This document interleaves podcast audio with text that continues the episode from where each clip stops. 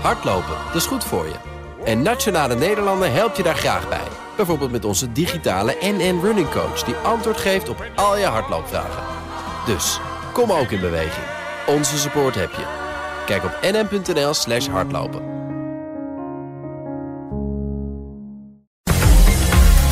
BNR Nieuwsradio. Extra nieuwsuitzending. Studio Den Haag. Goedenavond. Ja, het kabinet Rutte 4 is gevallen, melden Haagse bronnen. VVD, CDA, D66 en de ChristenUnie konden het niet eens worden over maatregelen voor de instroom van asielzoekers om die te beperken. En ik zeg dat met een kleine slag om de arm, omdat we het wel weten, maar nog niet officieel gehoord hebben.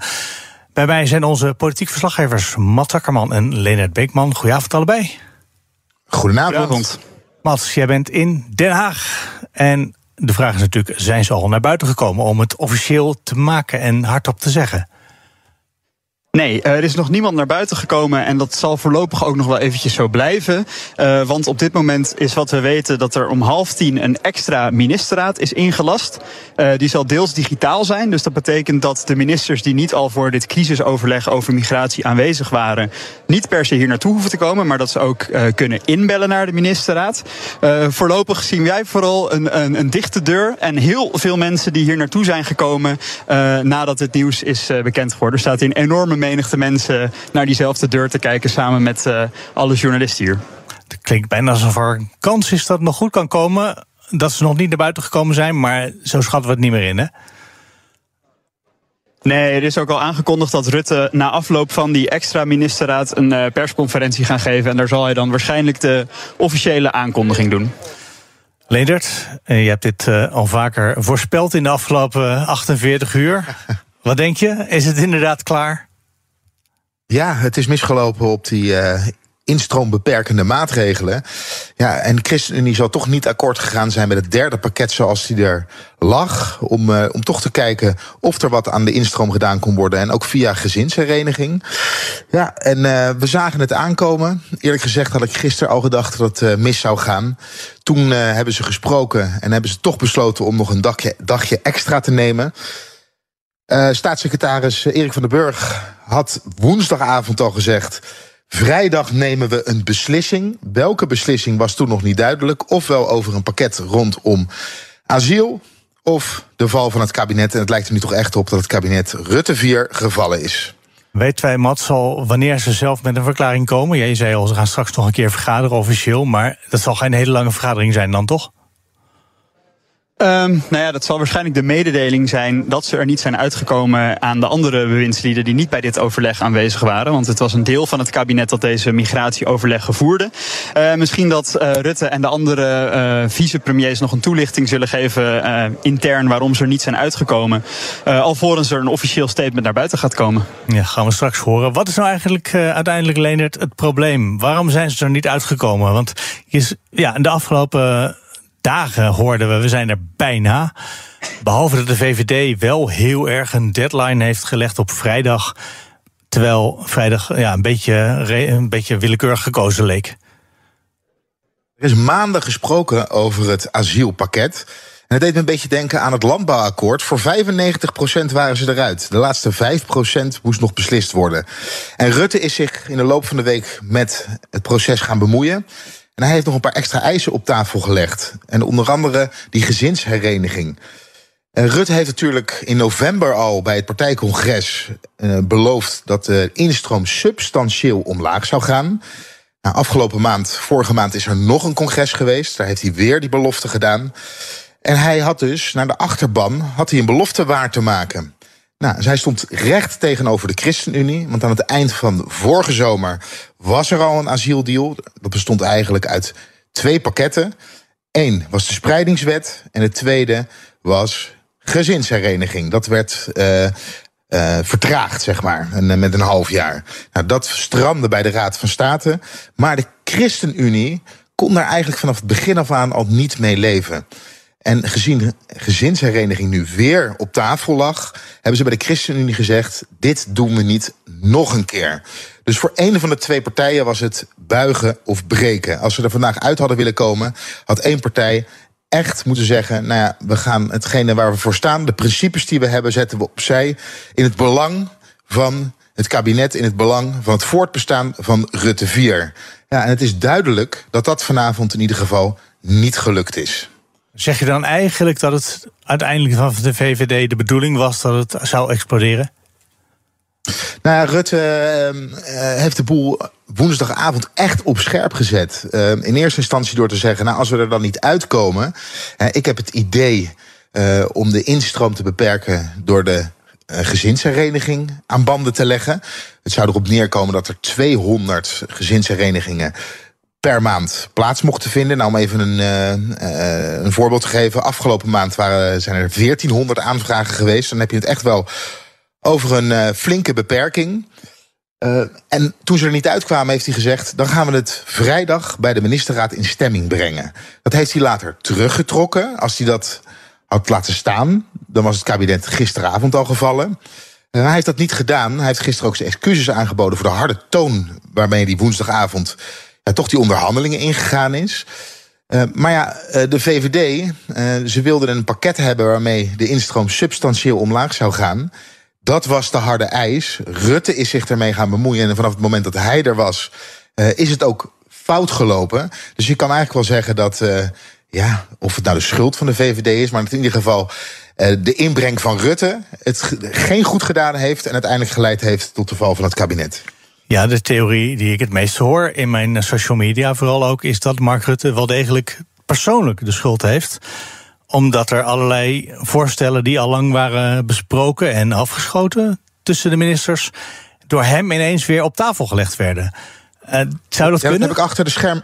Ja, dat heb ik achter de schermen ook gehoord. Uh, daar, daar hoorden we zeker vanuit drie andere partijen, dus ChristenUnie, D66 en in mindere mate van het CDA. Maar we waren al maanden aan het praten en er waren al heel veel varianten voorbij gekomen. En de meeste waren afgeschoten. Totdat Mark Rutte zich er afgelopen woensdag mee ging bemoeien. En eigenlijk met ideeën kwam waar we het al lang over gehad hadden. Hadden. Uh, maar bij de VVD wordt dat weer ontkend. Bij de VVD zeggen ze, Mark Rutte heeft de afgelopen tijd... is hij wel vaker aangeschoven. Uh, hij heeft vaker meegesproken. En het is niet ineens uit de lucht komen vallen dat wij echt een probleem hebben... met de instroom van het aantal asielzoekers. En dat daar een oplossing voor gevonden moet worden. Die ook hout snijdt. Dus geen symboolmaatregelen. Uh, op termijn moet je dat terug gaan zien in de cijfers. En kennelijk voor de VVD, het pakket zoals het er lag, was niet goed genoeg. Hij wilde niet, of hij dacht dat dit niet genoeg was voor zijn achterban. In de studio is inmiddels ook uh, Jurjen van den Berg, uh, directeur van het campagnebureau De Goede Zaak. Um, Jurjen, welkom. Was dit voor jou een, uh, een verrassing, deze val?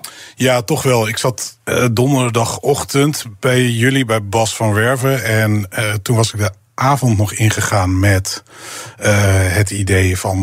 nou, het gaat niet gebeuren. maar op die ochtend begonnen we rekening te houden met... het zou wel eens wel kunnen gebeuren. Ja, de afgelopen dagen waren we allemaal een beetje de war wat wel en niet kon gebeuren. Misschien heel even kijken bij Mats, die net minister Adriaansens voorbij zag lopen. Zij zei nog iets interessants, Mats. Ja. Wat er is uh, gebeurd, dus ik heb nog geen formele verklaringen. Is het verantwoord? Ik ga zo dadelijk horen. Er zijn uh, allemaal mensen die heel serieus nadenken. Dus uh, ik zal horen wat de afweging Had u het zien aankomen dat het zou vallen? We zijn al maanden bezig en dit, dit onderwerp gaat heel moeizaam en is ook heel belangrijk voor Nederland. Dus uh, ja, ik wist dat het spannend was. Is dit nou de schuld van de VVD dat het is geklapt? We hebben met elkaar keihard gevochten om te zorgen dat we eruit zouden komen. En ik verwacht dat dat niet is gebeurd, maar dat heb ik alleen maar uit de pers. Dus ik ga het nu horen. Maar hebben jullie het te hard gespeeld wellicht? Iedereen is heel volwassen en maakt volwassen afwegingen in dit soort situaties. Maar de belangen zijn ook groot. En u, en u persoonlijk baalt u? Ja, dat heb ik net gezegd. Ik vind het teleurstellend. Ja, absoluut. Ja, en we hoorden hier minister Mickey Adriaansens van Economische Zaken en Klimaat van de VVD. Uh, ja, waarschijnlijk binnen hele korte tijd demissionair minister. Zij is dus fysiek hier aangekomen voor de ingelaste ministerraad. Uh, ja, en als er meer mensen aankomen hier, dan horen jullie dat weer van mij. En iedereen is heel volwassen en maakt uh, maar geen fouten. Want dat was het woord wat ik dacht te gaan horen, maar dat gebeurde uiteindelijk niet. Jurjen, wat dacht jij dat je, dit, dat je deze halve quote hoorde van Mickey Adriaansens?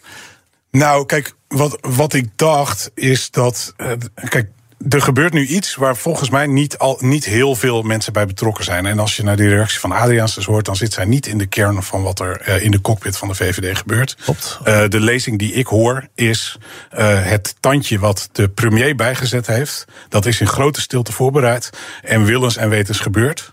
Um, dus de VVD, Mark Rutte persoonlijk, heeft aangestuurd op een ontploffing van het kabinet. Dat is, dat is wat ik zie gebeuren. Um, wat ik heb je... dat ook al eens gedacht, maar dat voelde voor mij persoonlijk altijd als een soort complottheorie. Als ik het, dat zelf op Twitter wilde gooien. Snap ik, snap ik, want het is heel cynisch. Laten we dat ook niet vergeten. Uh, er was een vakbewindsliedenoverleg dat goed leek te gaan. Vertellen bronnen uit vier partijen. Um, en op woensdag schakelt Mark Rutte een tandje bij en gaat het over een andere as. Namelijk die van de principes. Waar voor de ChristenUnie het steeds moeilijker werd om uh, naar een oplossing te bewegen. Terwijl men zei vanuit de ChristenUnie, vanuit D66, vanuit het CDA. We zien een mogelijkheid om ergens toe te komen.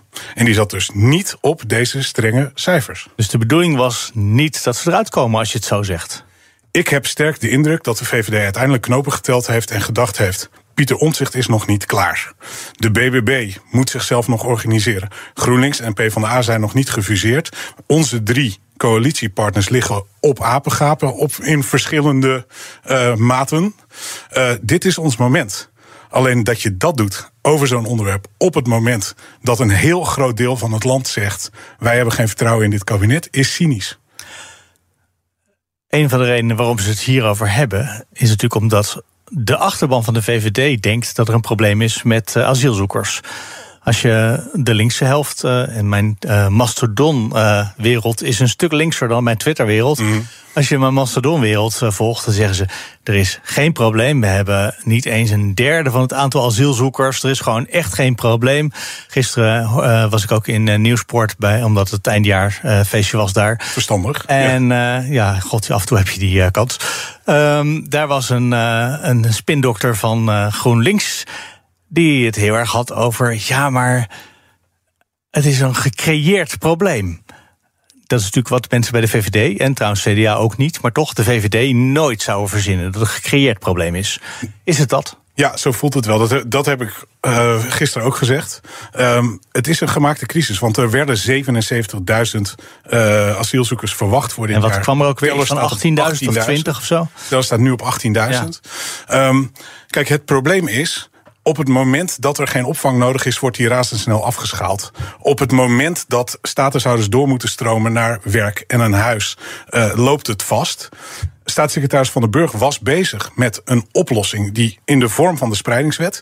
D66 legde op tafel snellere toetreding tot de arbeidsmarkt.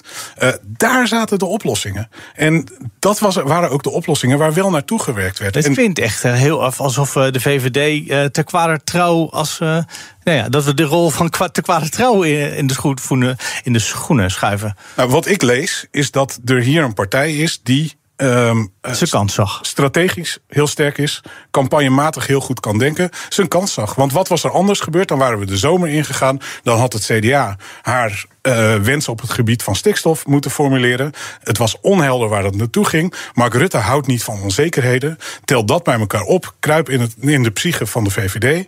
En dan denk ik dat zij gedacht hebben: wacht eens even. Wij hebben de mogelijkheid om nu het initiatief te nemen. Men verwacht dit niet. En dat is volgens mij wat we zien gebeuren. Maar niet al te lang geleden zei Mark Rutte: wij zijn een volwassen partij. Er is een eh, belangrijke crisis gaande. Er is een oorlog bovendien in Oekraïne gaande. Wij kunnen onze regering niet laten vallen. En dan binnen twee, drie maanden hetzelfde verhaal vertellen. Behalve dan dat je zegt: ja, maar we moeten de regering laten vallen.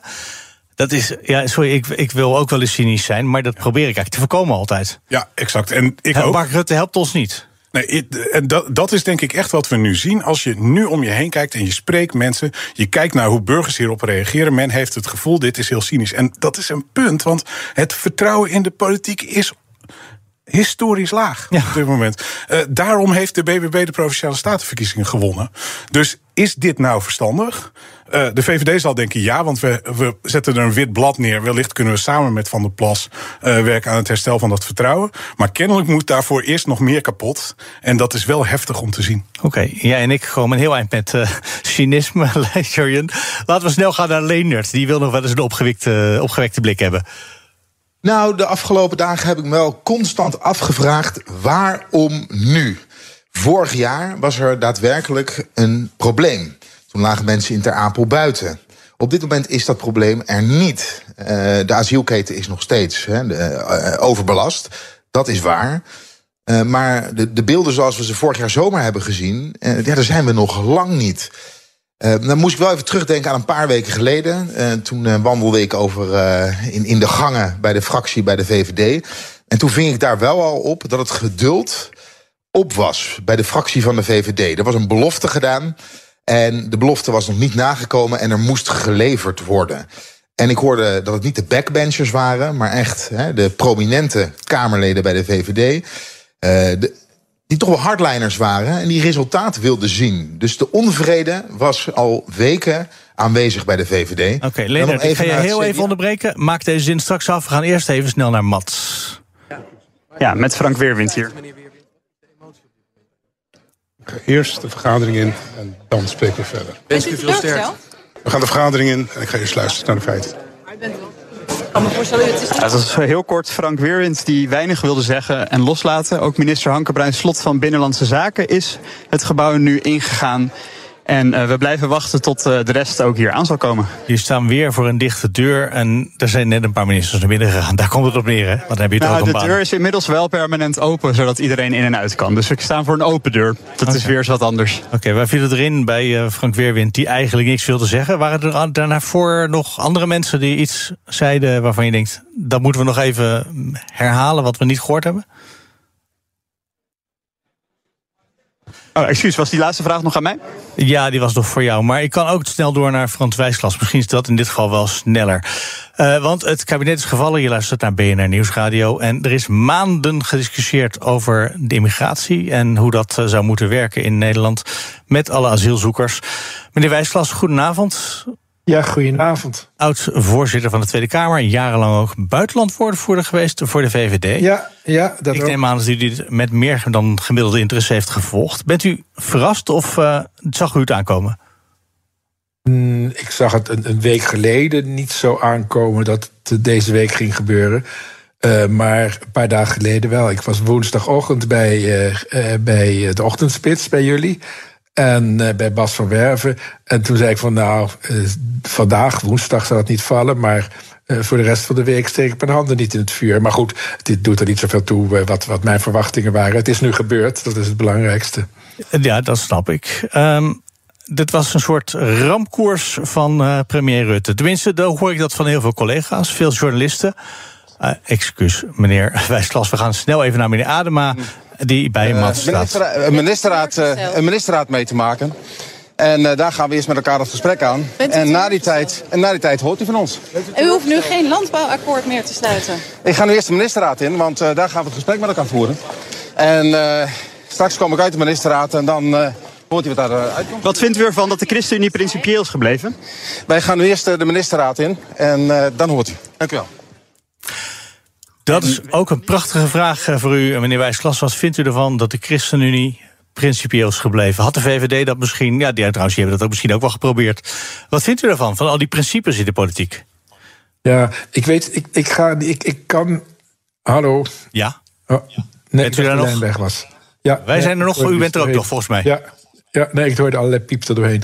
Um, ja, weet je, ik, ik ga, kan, ik, wil, ik, ik ben altijd iemand die overal antwoord op, op wil geven. Dat je weet, je, ik ben vaak bij jullie, maar uh, ik kan hier gewoon geen antwoord op geven. Ik hoor ook de hele avond en de hele dag uh, journalisten, andere mensen, uh, duiders, die, die zeggen precies te weten wat er allemaal in die zaal is gebeurd de afgelopen drie dagen. Ja, ik was er niet bij. Nee, dus ik, wij waren er ik, allebei niet bij. Dus ik, ik weet het gewoon niet. Ik kan echt niet ingaan op dat soort dingen. Oké, okay, ik geef u nog heel even bedenktijd voor de volgende vraag die ik nog niet eens gesteld heb. We gaan snel terug naar Mats. gevoelens, maar ik ga nu naar binnen om uh, te luisteren wat de laatste stand van zaken is. Bent u teleurgesteld, meneer Dijkgraaf? Uh, ik zei al heel erg gemengde gevoelens, maar uh, waarschijnlijk weet u meer dan ik. Dus ik wil nu graag naar wat binnen. Zijn die gemengde gevoelens dan? Ik ga luisteren wat de laatste stand van zaken is. En waar ik Mats zei, bedoelde ik uh, de minister van nou, Onderwijs. Die verder natuurlijk ook zegt dat hij de vergadering ingaat. Het is een goede test in hoe je geen commentaar geeft, hè, dit. Het is heel knap hoe ze daar toch een soort van geen commentaar op geven. terugtel dat toch maar naar Frans Wijsglas. Ehm, maar toch, ik vroeg u naar uh, principes en u zei, ja, ik weet niet, ik was er niet bij. En voor mij ik, zie, ik kijk naar televisie, ik zie een voor mij geheel onbekende bewindspersoon naar binnen lopen. Ja. Die heeft toch niet genoeg tijd gehad om bekend te worden bij mij. Ah, dat is ook wel, dat is heel zuur als u het zo zegt. Maar toch, ik eh, bedoel, je hebt met z'n vieren een coalitie. Zie ik Dijkgraaf. die, uh, ja, dit was meneer Dijkgraaf inderdaad. Maar je hebt als vier, vier partijen heb je een coalitie. En je bent het natuurlijk diep met elkaar eens. Want er zit een partij meer in het centrum of meer in het links... en meer in het centrum of meer rechts. En je hebt ook allemaal een soort van principes. En dat weet je van tevoren toch? Dus hoe kan dit dan... U heeft er ervaring in. Hoe kan dit dan zo op een clash uitlopen? Nou ja, als het dan om principes gaat. En, en, en, laten we ervan uitgaan dat het zo is. En dat hebben we ook met name uh, minister Schouten en, en de, mevrouw Bikker, de fractievoorzitter van de ChristenUnie, inderdaad horen zeggen. Uh, ja, dan, dan moeten die op een bepaald moment ja, getoetst worden. Voor jezelf ook. dat is niet alleen in de politiek, dat is ook in het, persoonlijk leven. En ja, op een bepaald moment moet die toets plaatsvinden. En dat was deze week met de voorstellen die op tafel lagen. En ik ben het niet eens met analyses die zeggen... het was helemaal rond met, de, met de ministersploeg die, die over migratie sprak. En toen kwam Rutte en die, die gooide roet in het eten. Nee, als het helemaal rond was geweest, dan was het natuurlijk niet nodig geweest om met Rutte en de drie vicepremiers te gaan praten. Het, het moest worden opgeschaald, het overleg, zoals dat heet, naar het niveau van de premier en de vicepremiers, omdat het niet rond was en omdat uh, ja, eh, ze er daar niet uitkwamen. Dus die analyse die klopt eerlijk gezegd niet echt. Maar meneer Wijsglas, zou het kunnen zijn dat ze er zo goed als uit waren en dat toen Mark Rutte binnenkwam en zei: Ja, maar ik heb heel veel beloften gaan aan mijn achteraan, achterban ik moet nog iets meer binnenhalen. En ik moet dat ook voor het oog van de camera laten zien dat ik dat doe. Dat, dat zou toch wel kunnen? Dat, dat zijn weer veronderstellingen waar ik niet in meega. Um, maar de heer uh, minister Rutte, de minister-president Rutte, heeft natuurlijk in dat hele uh, traject van overleg contact gehad uh, met de minister van Justitie en met staatssecretaris Van der Burg, die in dat overleg zaten. Die hebben natuurlijk niet, niet zonder terug te koppelen naar Rutte gewerkt. Dus nee, ik, ik vind, en dat is geen, geen kritiek of verwijt aan u natuurlijk, maar ik vind dat er iets te veel, ja uh, allerlei veronderstellingen nu over tafel gaan. die veel ingewikkelder zijn dan de waarheid, denk ik. Nou. Wat wel de waarheid natuurlijk is, is dat Rutte. en dat heb ik woensdag bij, bij Bas van der Werven ook gezegd. dat Rutte, de minister-president en de leider van de VVD. eigenlijk voor het eerst in zijn 13 jaar. Uh, de hete adem in zijn nek had van zijn eigen partij. Ja. Van mijn partij, de VVD. Uh, tot nu toe was het altijd zo dat Rutte op een VVD-congres. of de VVD-bijeenkomst. en ook in de VVD-fractie eerlijk gezegd, ja, op de hem bekende manier overal mee wegkwam. Uh, ik, ik, ik woensdagochtend. Er was nooit echt een probleem als ik u zo hoor, meneer Wijslas. Misschien mag ik dat even voorleggen aan Jurjen van den Berg, die hier in de studio is? Ja, nou, ik heb eigenlijk een vraag aan u, meneer Wijsglas. Uh, wat mij opvalt, uh, en ik weet dat dit speculeren is, dus dat mag u gerust zeggen. maar wat mij opvalt is dat Mark Rutte hier zelf de spotlight gezocht heeft, terwijl hij de gewoonte heeft om het aan vakbewindspersonen te laten. Hoe leest u dat? Dat vind ik een best een moeilijk moment, ja. Zeker in deze tijd uh, nou, absoluut. We. Ik denk wel dat het belangrijk is om te zeggen wat er ook gebeurt. Ik wil niet op de zaken vooruitlopen. Uh, maar uh, ja, er is een oorlog gaande. Uh, er is altijd gewoon een kabinet. en daar gaan we gewoon mee door. Op dit moment? Ja, maar dat is precies wat ik wil zeggen. Hè. Dus politiek is politiek. maar de dingen die moeten gebeuren, die gebeuren ook. Want hoe gaat dat nu verder op uw portefeuille in tijden van de oorlog? Ja, ik wil niet op de zaken vooruitlopen. Ik ga eerst even naar binnen. Uh, maar ik wil wel zeggen, er is inderdaad een oorlog gaande in Oekraïne. Uh, en uh, daarvoor zal gewoon gedaan moeten worden wat nodig is. Uw partijgenoot Velbrief die zei, het is een treurige dag vandaag. Ja, ik vind dat, dat vind ik ook. En waar zit het dan in? Nou, dat, ik, ga, ik wil eigenlijk eerst die ministerraad uh, even afwachten. Maar feit is wel, we hebben lang gesproken, inhoudelijk gesproken... geprobeerd uh, tot een uitkomst te komen. En we komen nu vanavond hier bijeen, omdat het niet gelukt is. Waren de maatregelen die er lagen voor D66 wel acceptabel? Eh, ik ga eerst even naar binnen voordat ik op de inhoud ga reageren, als u het goed vindt. Oké, inhoudelijk gaat ze niks meer zeggen, mevrouw Ollongren. Uh, meneer Wijsglas, u kreeg net de vraag van Jurjen van den Berg.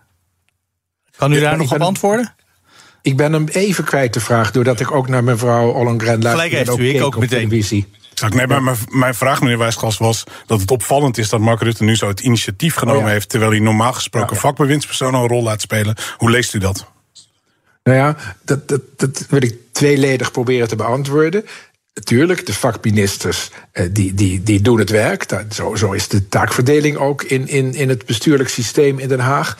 Maar als iets hoog oploopt en men er niet uitkomt op een zo belangrijk onderwerp, ja, dan wordt het, zoals dat in het Duits heet, chefsache. En dan komt Rutte, en niet alleen Rutte, maar ook de drie vicepremiers, Kaag, Hoekstra eh, en Schouten, hebben we gezien de afgelopen dagen, die komen erbij om het op te lossen. En daarom, wat ik al zei, geloof ik er niet in dat het al helemaal rond, of bijna helemaal rond was in dat overleg van vakministers. Uh, het was nodig om op te schalen. En het tweede punt is, naar aanleiding van uw vraag, ja, inderdaad, Rutte, dat dat is, is door zijn partij achter de broek gezeten deze keer. En dat was nieuw, dat zei ik. Vroeger kon hij met een glimlach van... hé, hey, hallo, hallo, leuk dat je zie... overal mee wegkomen in de VVD. En dat is niet meer zo. Hij probeerde bij het laatste congres nog steeds, meneer Wijsklas... maar het is niet meer gelukt. Mag ik u hartelijk danken. Voorzitter van de Tweede Kamer was u ooit... en jarenlang ja. buitenlandwoordvoerder ook van de VVD. Hartelijk dank. Fijne avond ook. en snel door naar Atje Kuiken, fractievoorzitter van de PvdA. Uh, in een land zonder regering ineens, mevrouw Kuiken. Wat is uw uh, reactie ineens? Nou, ik, het is uh, het, terug dat het zo moest lopen. Maar het is heel duidelijk dat Mark Rutte is uitgeregeerd. Als je alleen maar bezig bent met je eigen belang... is dat het meest ernstige vorm van cynische politiek die ik in tijden heb gezien. Ja. Uh, dus wat dat betreft is het maar goed dat u nu opstapt en dat hij klaar is en dat het kabinet is gevallen. En wij zijn klaar voor de verkiezingen, wilde ik maar zeggen. Ja, gisteren zouden we een podcast met u opnemen, Studio Den Haag. En toen kwam er een uh, communicatiemedewerker van u langs die zei... sorry, het lijkt dat het misgaat met uh, de regering. We moeten ons voorbereiden op andere zaken. wat bent u gaan doen toen? Nou, wij, hebben, wij zijn eigenlijk al twee campagneoverleggen verder. Straks onderweg naar de derde... Uh, want wij zeiden ja, als, als uh, wij vinden al langer dat het kabinet klaar is omdat zoveel zaken blijven liggen. Crisis op crisis. Ze zijn nu 2,5 jaar eigenlijk alleen maar aan het bakkeleien uh, geweest. en ik denk dat Nederland snakt naar een kabinet dat dingen oplost. Dat ervoor zorgt dat huizen betaalbaar zijn. Dat de rekening weer van de boodschappen betaald kan worden. Dat het tijd is voor een sociaal en groen Nederland. Ja. En wij willen graag daar het alternatief voor bieden. En wij zijn klaar wat dat betreft klaar voor snelle verkiezingen, klaar voor de campagne. Het klinkt alsof u denkt dat Mark Rutte de verkiezingen niet gaat winnen. Dat zijn de ervaringen uit het verleden niet, hè? Nee, maar hij is nu echt uitgeregeerd. Hij heeft nu echt zijn eigen eh, belang uh, boven het landsblad gezet. Dat ziet ook iedereen, want het is een verzonnen crisis.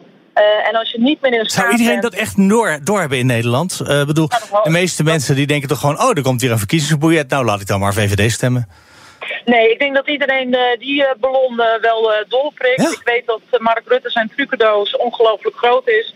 Maar mensen zijn niet dom. Bovendien werden de mensen Rutte meer dan zat naar Groningen toeslagen. landbouwakkoorden die niet tot stand kwamen. Een land wat op slot staat. dus ik denk dat ze nu deze laatste nou ja, wanhoopspoging wel doorzien. En dat het echt tijd is voor ademruimte. Dat het echt tijd is voor een positief en een ander geluid. Uh, en ik vind strijdbaar, en dat ben ik ook, want ik snap ook uh, naar het andere Nederland, wij zijn er klaar voor.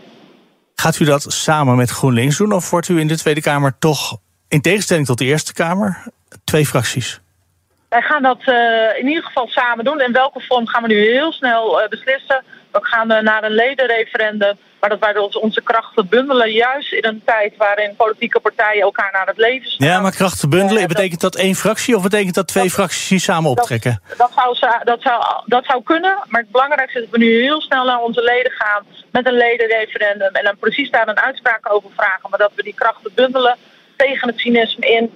Uh, bundelen krachten, uh, krachten bundelen bedoel ik, en uh, tegen de versplintering in, dat is helder. En, en u uh, hoort uh, snel meer, maar u hoort ook aan mij. Wij zijn er klaar voor tijd voor verkiezingen, tijd voor een ander land. Adje Kuiken, hartelijk dank. Jij van den Berg in de studio hier. Wat denk je? Wordt er dat één fractie of worden dat twee fracties? Nou, kijk, ik zei het net. Ze zijn er door overvallen en ze zijn al lang... Ze wisten echt al heel lang dat het aankomen het moment zou komen dat het zo vervallen zou worden. Ja, dat klopt. Dus ze zijn er al lang mee bezig geweest. binnen de achterbannen is het best een ingewikkeld punt.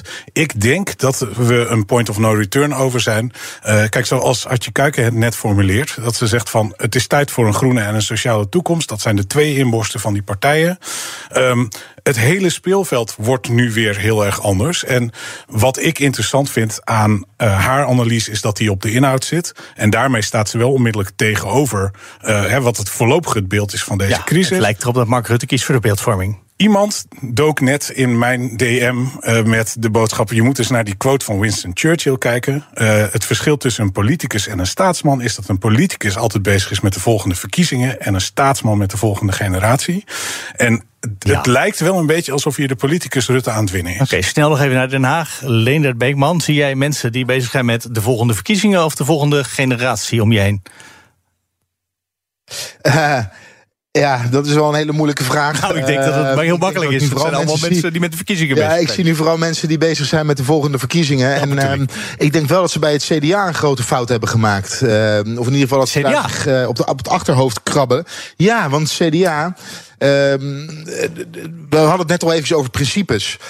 En uh, de VVD en ChristenUnie zijn nu principieel gebleven en het kabinet is gevallen. Het CDA had erg veel moeite met het hele stikstofbeleid. En wilde dat later nog een keertje gaan bespreken. En ze zullen zich nu afvragen, nu het kabinet gevallen is. Hadden wij dat niet moeten doen op stikstof? Hadden wij niet moeten laten zien dat we ook. Hè, die, ja, dat ja. onze principes ons heilig waren. En hè, het op stikstof uh, hadden laten vallen. Uh, dus ja, misschien dat ze bij, de, bij het CDA nu denken... we hebben dit verkeerd aangepakt. Oké, okay, je luistert naar een extra nieuwsuitzending op BNR... over de val van het kabinet Rutte 4. Zometeen vindt er een ingelaste ministerraad plaats. Daarna geeft minister-president Rutte, ja, vandaag nog wel... een persconferentie, dus blijf luisteren. BNR Nieuwsradio. Extra nieuwsuitzending. Studio Den Haag. Ja, goedenavond. Vier minuten over half tien. Het kabinet Rutte 4 is gevallen, melden Haagse bronnen. Officieel, we weten het nog niet, maar het is wel zeker. Even goed, VVD, CDA, D66 en de ChristenUnie werden het niet eens over maatregelen om de instroom van asielzoekers te beperken. Leonard Beekman, um, waar staan we nu als je deze avond even overziet? Nou, als ik deze avond overzie, en ik heb het me de afgelopen tijd wel vaker afgevraagd. Het kabinet staat voor heel veel grote problemen. En uh, op dit moment is het asielprobleem niet zo urgent als dat bijvoorbeeld vorig jaar was. En dan vraag je je toch af: uh, is het niet zonde met zoveel grote opgaven dat het kabinet is gevallen op asiel? Uh, dat is een beetje waar ik op dit moment sta. Dat is eigenlijk, we hadden gisteren de voorbereiding voor de podcast Studio Den Haag. En ik wilde heel graag aan Sophie Hermans als eerste vraag stellen. Zijn jullie gek geworden? Waarop ja. jullie zeiden, dat is geen verstandige vraag, want dan loopt ze weg. En dit snap ik. Uh, maar 24 uur later denk ik toch, we hadden dat gewoon wel moeten vragen. Denk je niet? Ja, uh, het is ook iets wat me de hele week bezig gehouden heeft. Ja. Waarom nu? Wat is er aan de hand bij de VVD? Waarom wordt het zo hoog opgespeeld? Uh, had dit niet een beetje langer kunnen duren? Hadden ze niet en die deadline van, van aanstaande vrijdag, maandag kwam het ineens als een duveltje uit een doosje. He, dus de, vandaag. Uh, waarom ineens zo hoog spel? Ja, het, het is een vraag waar we misschien antwoord op gaan krijgen uh, vanavond nog. Uh, maar, ja, maar misschien ook niet. Ik ga mijn geluk even proberen bij Jurjen van den Berg. Die zit hier in de studio. Je knikte meteen instemmend.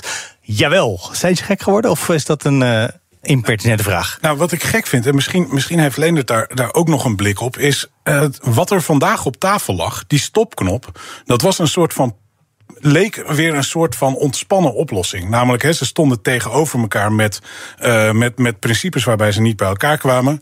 En als je zo'n stopknop introduceert, dan zeg je dus eigenlijk van... oké, okay, we kijken het aan, het staat nu op 18.000, dat valt nog mee. Gaan we naar de 35.000, pats, dan drukken we op Gaan we weer praten met elkaar. Um, Leendert, kun, kun jij lezen waarom dat toch ook niet geholpen heeft? Nou, bij de ChristenUnie en bij D66 hadden ze twee eisen. Het moest juridisch haalbaar zijn en het moest uitvoerbaar zijn. En ik denk vooral het eerste punt. Is dit juridisch haalbaar? Want we hebben natuurlijk ja, al dat gezien... was al een keer getest, dat uh, klopt. Ja. ja, dat het al een keer getest was. ja, dat ze bij de ChristenUnie uh, daar niet meer in geloofden. En vorig jaar zeiden ze al. Toen de gezinshereniging ook op de stopknop gedrukt werd, zeiden ze bij de ChristenUnie: dit is hele cynische politiek. En daar hebben ze enorm veel spijt van gehad dat ze dat gedaan hebben. Ook de, de, vraag vanuit de Kamer kwam: laat dit nou bij de Raad van State, bij het adviesorgaan van de Raad van State, toetsen. Kan dit? Dat wilde het kabinet niet. en de ChristenUnie is er eigenlijk, hebben ze daarmee ingestemd en hebben ze zoveel spijt van gehad dat ik nu denk dat ze met het voorstel zoals dat nu op tafel lag, dat ze dachten: ja, maar we gaan dit niet nog een keertje doen. We gaan niet nog een keertje testen of dit juridisch wel haalbaar is. Dat, maar dat, is een ja, guess. Dat sluit ook aan bij wat ik vanuit de ChristenUnie hoor. Uh, dat die achterban is natuurlijk al een keer getest. Hè? Um, en uh, de, dat, dit was onder een vorige leider. Nu heeft Mirjam Bikker het overgenomen. En die lijkt ook minder uh, pragmatisch dan Gertjan Segers. Dus die stond er wat principiëler in. Ze hebben een hele sterke asielwoordvoerder in de persoon van Don Seder. Die zijn achterban ook echt iets beloofd had. Uh, dus ik kan me voorstellen dat daar inderdaad het gebrek aan uh, manoeuvreerruimte in zat. En die vraag gaan we voorleggen aan Joost Jerpans, fractievoorzitter van Ja21. Goedenavond. Ja, goedenavond. U staat er ook wat principiëler in misschien. Ja. in de andere kant, de andere helft van de samenleving. Mm. Opgelucht adem gehaald vanavond dat het misgegaan is? Absoluut. Uh, nou ja, het is, het is wel terug uiteraard als je ziet hoeveel uh, gemodder en, en gedoe dit heeft opgeleverd. Maar de enige conclusie was voor ons althans wel vrij snel, ook aan de loop van de week, dit gaat nooit meer goed komen. Want ze hebben ook helemaal geen behoefte meer om eruit te komen. Overigens moet ik wel corrigeren net wat uh, jullie zeggen over de ChristenUnie. Kijk, dit is al dat twee-statenstelsel, waarbij dus die subsidiair beschermde hebt en, en die vluchtelingen, de echte vluchtelingen, daar kan je wel degelijk ook andere uh, regels stellen voor gezinshereniging. doen diverse landen om ons heen ook. Dus dat is en uitvoerbaar en juridisch getoetst. Dus ik begrijp totaal niet waarom dat dan bij, uh, bij de ChristenUnie uh, niet zou kunnen. Er is veel meer okay. mogelijk. Dat jurisme, dat, dat gaat me even boven de pet. Maar ik neem het even nee, van u aan. Ja. En een val van de, van de regering is eigenlijk altijd slecht nieuws voor een land, toch? Nou, dat is maar de vraag wat je ervoor terugkrijgt, denk ik. Ja, je weet nooit wat je terugkrijgt. Voor hetzelfde geld krijg je Poetin of een opvolger daarvan. Geen garanties uh, uit het verleden. Maar het, het, is alleen wel zo dat Nederland uh, snakt denk naar wat meer duidelijkheid. Uh, dit, dit was toch het kabinet van we, we, houden niet van elkaar, maar we moeten met elkaar. Een beetje gevaar van, voor, de, voor de flanken, we moeten naar het midden toe. Ik hoop dat de nieuwe verkiezingen een richting gaan geven. Waar, waar we in ieder geval op het asielvraagstuk veel duidelijker conclusies kunnen trekken. En ook gewoon maatregelen kunnen nemen. Waarvan ik denk dat een, een modern land Nederland gewoon uh, heel goed uh, streng rechtvaardig asielbeleid kan voeren. Kijk naar Denemarken, gewoon op een andere manier uh, niet die massale instroom, maar veel meer aan, aan banden gelegd.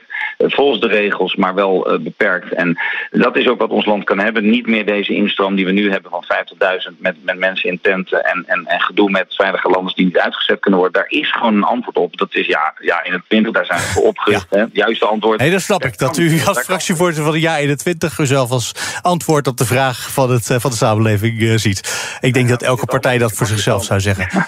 Um, maar is, zijn verkiezingen echt onvermijdelijk? We hebben wel eens meegemaakt dat D66 na een week of anderhalf tegen de coalitie waarmee ze gebroken hadden, zei: Weet je wat, we gaan toch door.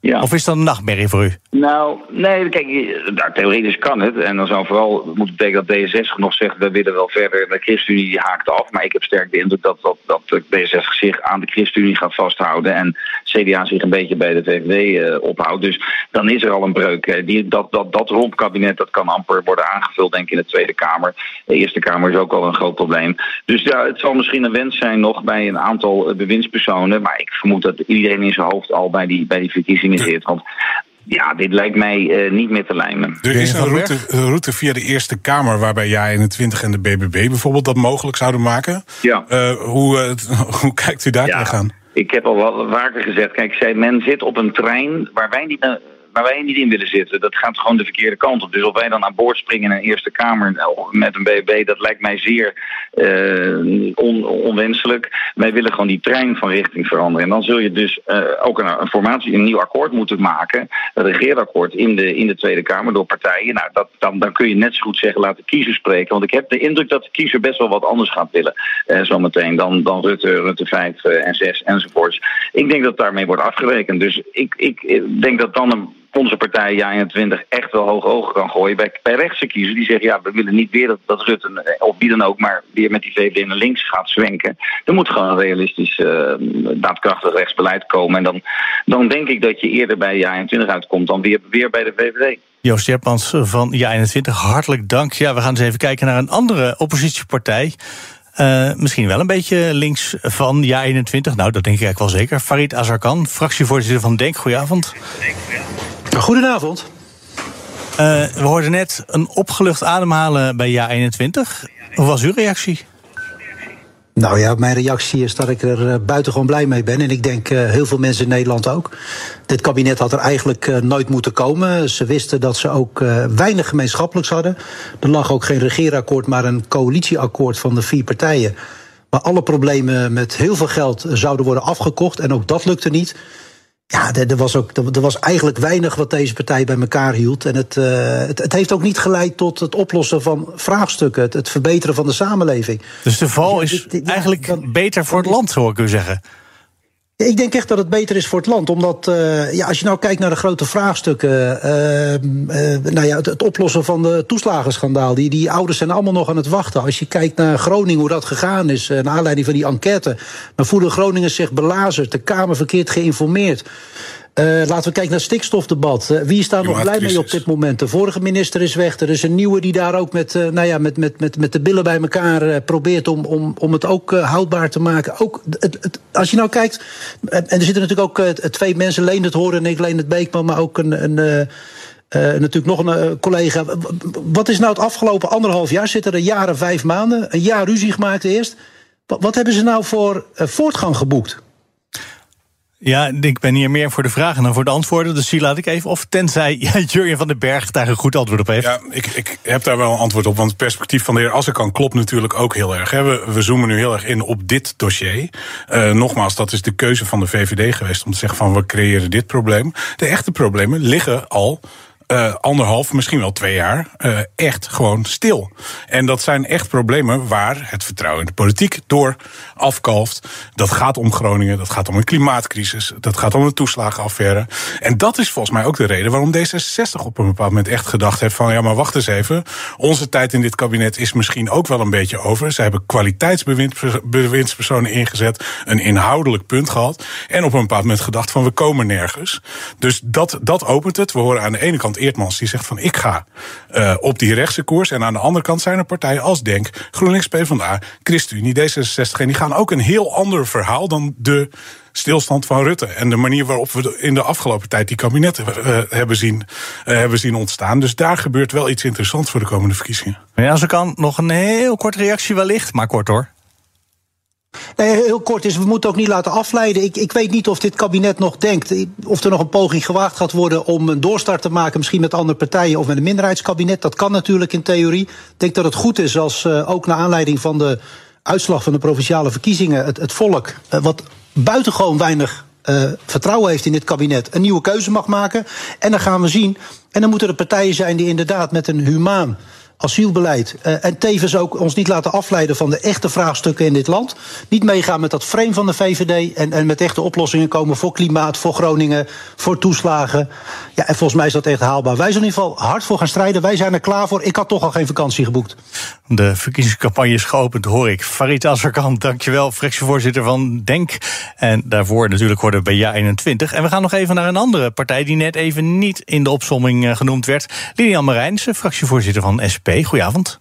Goedenavond. Treurig of eigenlijk wel opgelucht? Nee, ik denk dat dit goed nieuws is voor Nederland. Uh, dit kabinet Rutte heeft, uh, jullie benoemen dat al even, ik denk meer problemen gecreëerd dan daadwerkelijk opgelost.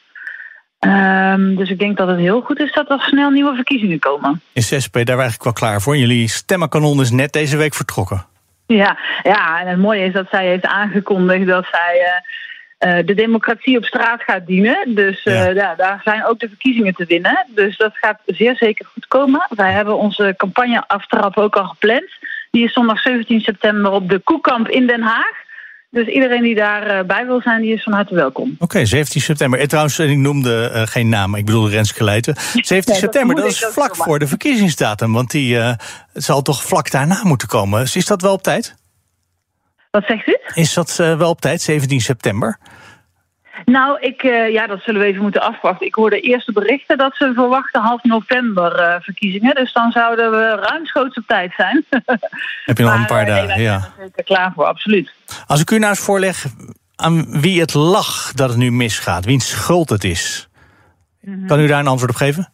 Mm, kijk, de SP was sowieso natuurlijk geen fan van dit kabinet. Wij hebben bij aantreden van dit kabinet gezegd... wij geloven gewoon niet dat dezelfde mensen, dezelfde partijen met dezelfde ideeën die verantwoordelijk zijn voor de grote problemen die ze eerder hebben gecreëerd. Of het nou toeslagenschandaal is, of de woningnood, de onwijze tekorten in de zorg, de problemen met de lage inkomens. Ja, dat zij die problemen gaan oplossen. En helaas is dat ook de werkelijkheid geworden, want die problemen hebben ze niet uh, opgelost. Uh, ja, en daar zijn ze nu zelf denk ik ook achter gekomen dat ze beter kunnen vertrekken. Dat is toch niet waar de regering nu op geknal, geklapt is? Ik bedoel, ik gun nee, u alle verzendtijd hoor, daar gaat het niet om. Nee, Nederland heeft misschien een probleem in, vanuit, uw oppositie, vanuit uw positie richting de regering. Maar waar ligt het, gaat het, ging het nou mis? Ging het nou mis bij de principes aan de VVD-kant of aan de ChristenUnie-kant? Nou ja, ik ben daar niet, uh, niet bij geweest. Maar uh, kijk, het mag zo zijn dat zij druk bezig zijn met praten over migratie. En dat de VVD uh, waarschijnlijk de hele tijd zal gaan roepen dat deze verkiezingen over migratie gaan. Maar dat is natuurlijk allerminst het geval. Ten eerste is de VVD de meest hypocriete partij als het gaat over migratie met de grote mond dat ze de instroom willen beperken. Terwijl ze tegelijkertijd natuurlijk de grenzen wagenwijd openzetten en ook actief bevorderen dat er tienduizenden arbeidsmigranten hierheen uh, worden gehaald. Vele, vele, vele malen meer dan dat er vluchtelingen zijn. Uh, het was uh, Mark Rutte notabene nog in zijn rol als staatssecretaris van Sociale Zaken. Die zei, nou, er zullen waarschijnlijk zo'n pak een beetje 40.000 arbeidsmigranten naar Nederland komen. Nou, we weten allemaal, het zijn er nu ongeveer een miljoen. Uh, de lasten daarvan zijn voor de samenleving, de lusten zijn voor de grote werkgevers. Maar ja, daar hoor je de VVD niet over. Dus het is heel hypocriet. Het is bijna om cynisch van te worden. Maar de problemen van mensen zijn natuurlijk ook gewoon dat je geen betaalbaar huis kan vinden. Uh, dat de lonen veel te weinig stijgen uh, als je het vergelijkt met de inflatie. De regering is over iets verkeerds gevallen als ik u zo hoor, mevrouw Vrijnsen. Sorry? De regering is over een verkeerd thema gevallen als ik u zo hoor. Ja, nou ja, ze zijn vooral bezig met uh, praten over uh, de verkeerde dingen. Ik had inderdaad liever gezien uh, dat ze die afgelopen periode dat ze er zaten, dat ze inderdaad wel de woningnood hadden aangepakt. Ik had ook ja. liever gezien dat ze niet bezuinigingen op de verpleeghuizen hadden aangekondigd. Maar dat ze toch misschien geleerd hadden van de coronacrisis en dat we extra investeren in onze zorg. Maar, dat maar ik hoorde u net zeggen, het is goed dat ze klaar zijn. dus Hugo de Jonge gunnen we niet de tijd dat ze dat probleem nog even oplossen met bijvoorbeeld de woningmarkt. Nou ja, um, kijk, het begint al bij het fenomeen woningmarkt. Uh, als je daar niet uh, fundamenteel mee afrekent, ja, dan zal er ook niet heel veel veranderen. Dus je kunt onwijs veel mooie actieplannen presenteren. Nou ja, ik denk dat we daarmee dood zijn gegooid inderdaad afgelopen half jaar. Maar een betaalbaar huis is voor de meeste mensen, en dan staan jonge mensen nog steeds niet te vinden. Hartelijk dank, Lilian Marijnissen van de SP. Jurjen van den Berg, nog steeds in de studio, directeur van campagnebureau De Goede Zaak. We hebben drie politici gehoord. Joost Eertmans, Farid Azarkan, uh, Marijnissen van de SP ook. Drie hele verschillende richtingen. Er zit wel een soort lijn in, hè? Iedereen is klaar met de VVD, als ik hem even in eigen woorden samenvat. Nee, abso absoluut. En dat kan dus heel interessant worden. Twee dingen daarover. Eén, die doorstart, waar we het net over hadden, waar nog over gespeculeerd wordt. Tenzij. Gebeurt toch niet? Nee, tenzij de BBB daar plannen mee heeft, gebeurt dat niet. Um, en dat, dat kan nog de black box zijn. Uh, ik kan mij voorstellen dat de BBB denkt: we zitten nu met één poppetje in de, uh, in de Tweede Kamer. Laten dat er maar veel meer worden. Uh, en dan praten we wel weer verder. Dus waarschijnlijk gaan we verkiezingen in. Uh, wat interessant wordt is: het initiatief is gepakt door de VVD. Die zeggen het moet over migratie gaan. Al deze andere politici zeggen nee, het gaat over iets heel anders de afgelopen provinciale statenverkiezingen gingen als je het SEC beschouwt over vertrouwen in de politiek. Dat vertrouwen in de politiek is vandaag minder geworden. Dus mijn lezing is. De komende Van wie schuld is dat? De, de, voor je zegt mijn lezing is. Waarom is dus het vertrouwen in de politiek afgenomen? Nou, dat zit hem in. Leonard zei het net. Uh, het CDA heeft kansen laten liggen om te vertellen waar ze voor stonden. Ja. En daarmee dus uh, 1 juli als deadline laten passeren, een landbouwakkoord laten klappen en zelf niet, niet, uh, niet de regie gepakt. Dat is een probleem. Daarmee denken mensen, ze leiden niet. De VVD heeft deze crisis hoog opgespeeld en speelt daarmee met het vertrouwen van de kiezer, want het voelt cynisch. D66 is met heel veel goede ambities, uh, grote ambities, dit kabinet ingekomen, heeft niet geleverd. Uh, zij zullen zeggen dat komt door de rest, kan zijn. Ze hebben niet geleverd. En twee jaar lang zat iedereen te wachten. Het enige wat ze gedaan hebben, Hans Veilbrief Groningen, die wil ik ze geven. Daar is echt wat gebeurd. Die gaskraan gaat dicht. Dat is, als je kijkt naar wat dit kabinet gedaan heeft aan vertrouwen, het enige wat je daar neer kunt zetten. En ik denk dat D66 en ChristenUnie nu gezegd hebben van voor ons heeft deze politieke uh, constellatie niet voldoende toekomst. Die vinden dat ontzettend spannend. Want D66 gaat verliezen de komende verkiezingen als er niks verandert. Ja. Uh, maar het speelveld ligt open. En dan kan dus meneer Asserkan en mevrouw Marijnissen en meneer Eertmans en mevrouw Van der Plas en een mogelijke combinatie GroenLinks PvdA allemaal zeggen van het vertrouwen in de politiek win je terug via ons. Nou, en laat het daar in godsnaam ook een keer over gaan. Want we zijn ook echt wel klaar met de managerstijl van Rutte. De verkiezingen gaan niet per se over het onderwerp waar politici het over willen hebben. Hè. Eh, de afgelopen verkiezingen, bijvoorbeeld, de regering was gestruikeld over het toeslagenschandaal. Ja. Niemand had het erover. Nee. Heb ik me erg aan geërgerd. Ik had toen een hele andere rol dan nu, maar dat vond ik echt verschrikkelijk. Dat het, de reden waarom politici waren afgetreden met z'n allen, een heel team. Ja. Met z'n allen zeiden ze, ja, maar daar gaan we geen campagne op voeren dat we dit beter gaan doen. Um, dus als ze nu vallen over asielproblemen. Het kan zomaar gaan over de woningmarkt of zoiets. Of over iets heel anders. Nee, absoluut. En ik, eh, wat heel interessant is, de provinciale statenverkiezingen gingen ook niet eens over stikstof. Dat, dat denken we misschien wel. Het nee, het ging over wantrouwen. Ja, en over een verdwenen bushokje.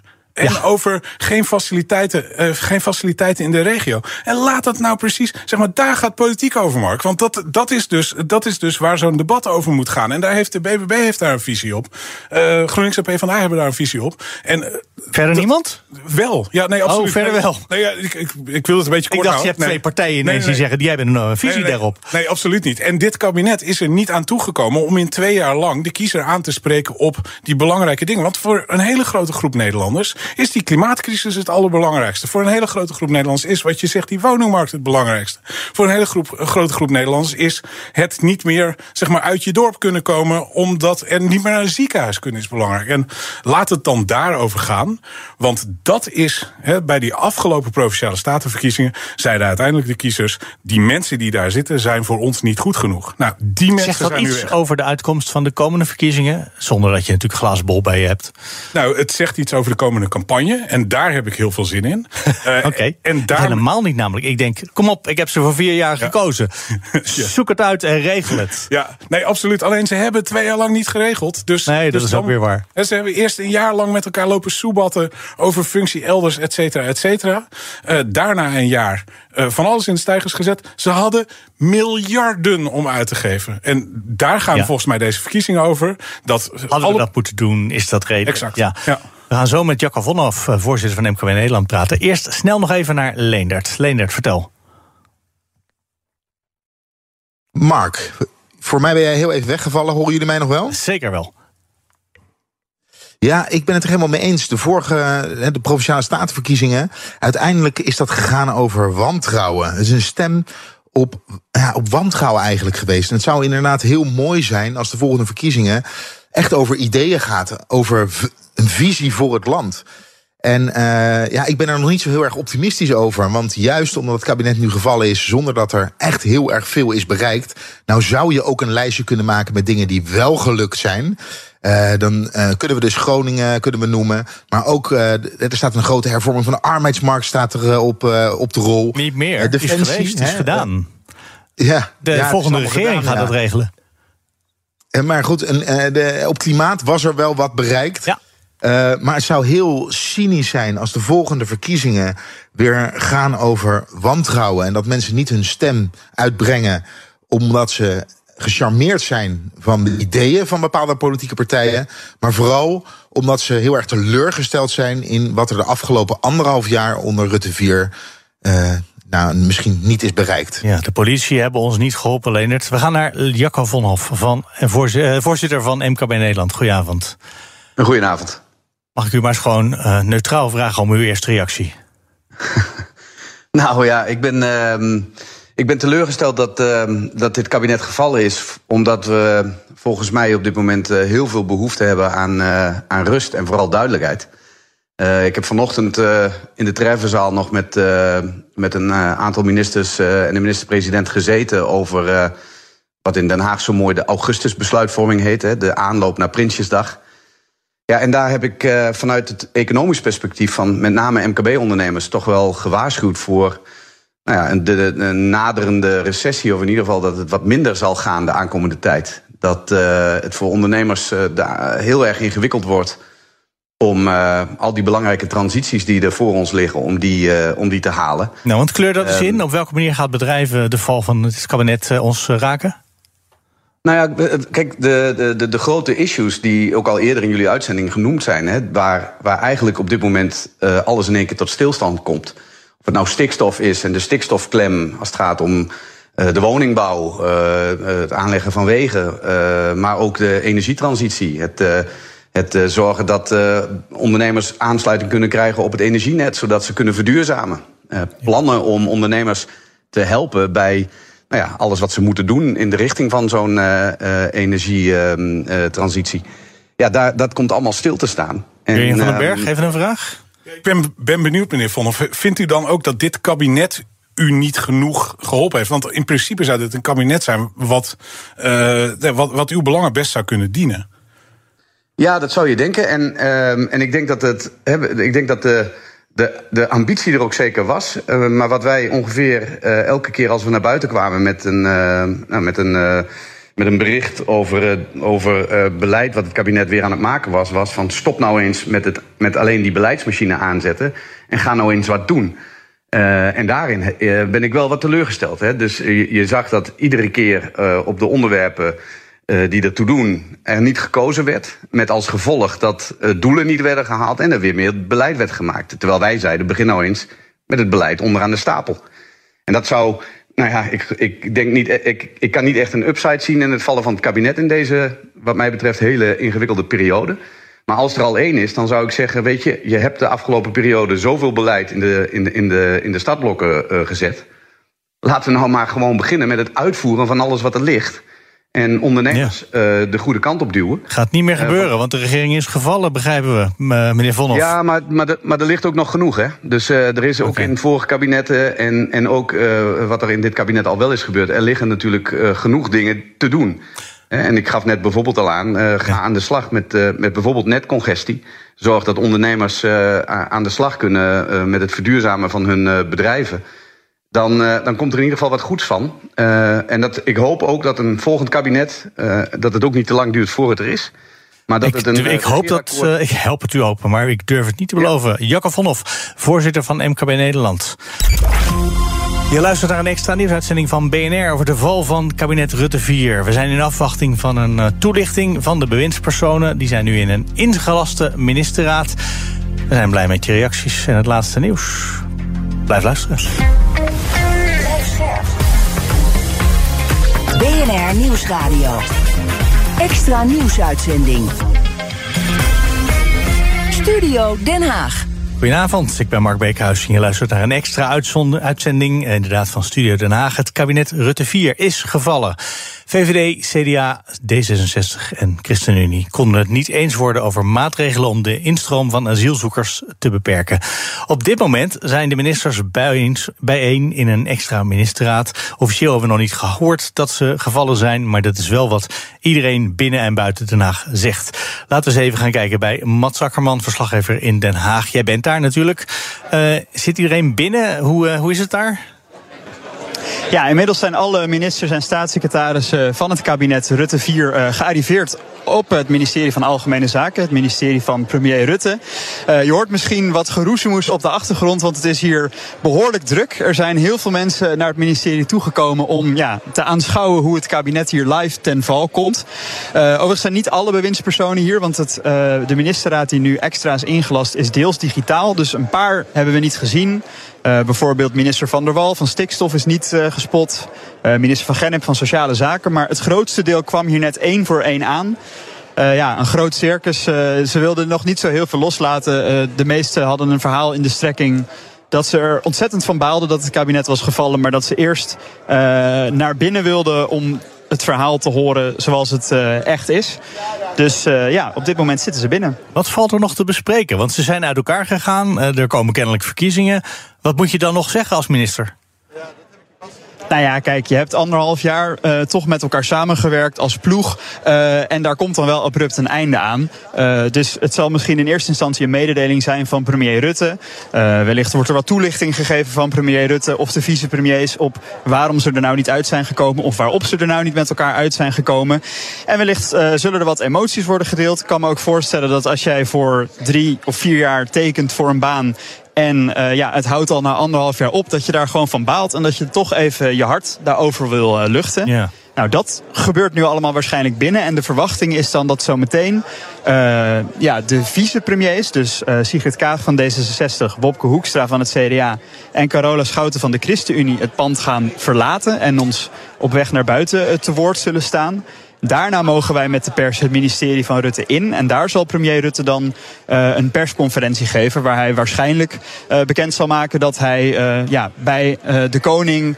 Het ontslag van zijn kabinet gaat aanbieden. Met een appeltje op de fiets richting de koning. Ja, ik begrijp dat wij van de ChristenUnie niet zelf een verklaring krijgen, maar dat die op papier wel onder andere bij Leendert Beekman terechtgekomen is. Leendert, wat zegt de ChristenUnie?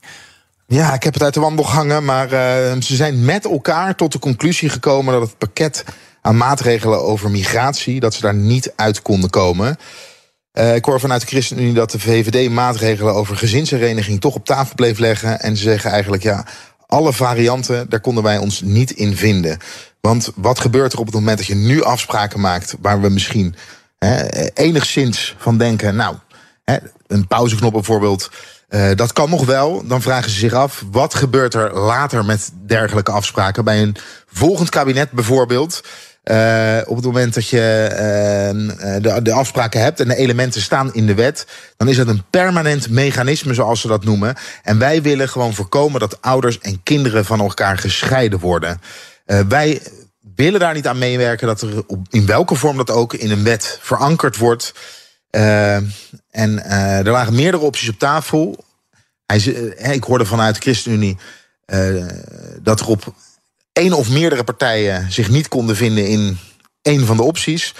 Ze hebben samengebroken, een beetje zoals mensen die een relatie beëindigen. We hebben het samen gedaan. Ik heb nog gevraagd van ja, uh, is dat nou echt zo? Uh, er is toch één iemand die uiteindelijk gezegd heeft: we stoppen ermee. Maar daar kon ik geen uitsluitsel over krijgen. Maar, uh, nou, maar die wil ik je dan wel geven. De VVD gaf ineens een deadline en zei: deze week moet geregeld zijn. En daarna ja. waren andere partijen die mochten dan breken. Maar dan heeft dat de VVD gewoon schuld.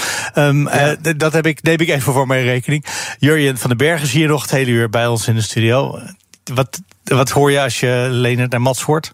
Nou, kijk, deze, wat je net zegt, Mark, is heel interessant. Want in het bulletinnet zit dus de boodschap... de ChristenUnie heeft gebroken... en ook voor D66 was het te veel om te dragen. Nu horen we spin. Dit is dus het moment. Hè. Blijf vasthouden dat beeld van de duimschroeven zijn aangedraaid door Rutte. En nu helemaal aan het einde van het spel is de boodschap van ja, maar de ChristenUnie stond er te principieel in. Nou, wat gaan we nu krijgen? Die grote strijd om wie hier de schuldige was voor die breuk. Ja, de, dat is dus wie breekt betaalt is het uh, spreekwoord ja, in uh, de Haagse politiek. Ja. En normaal gesproken verlies je de verkiezingen als je breekt. En dat is natuurlijk de VVD niet van plan. Nee, en overigens spot Rutte al uh, vier kabinetten lang met campagnewetten. Dus, dus wie, wie weet wat wie er weet, gebeurt. Wie weet wat dat voor hem betekent. Ik dacht, dacht nog aan iets anders. Um, doordat de VVD nu de regie neemt over uh, zeg maar de politieke toekomst, moeten ineens een heleboel partijen nog van leider gaan wisselen. En dat is, dat is denk ik ook wel echt iets interessants. Want wie gaat er bij het CDA overnemen? Hoekstra is weg.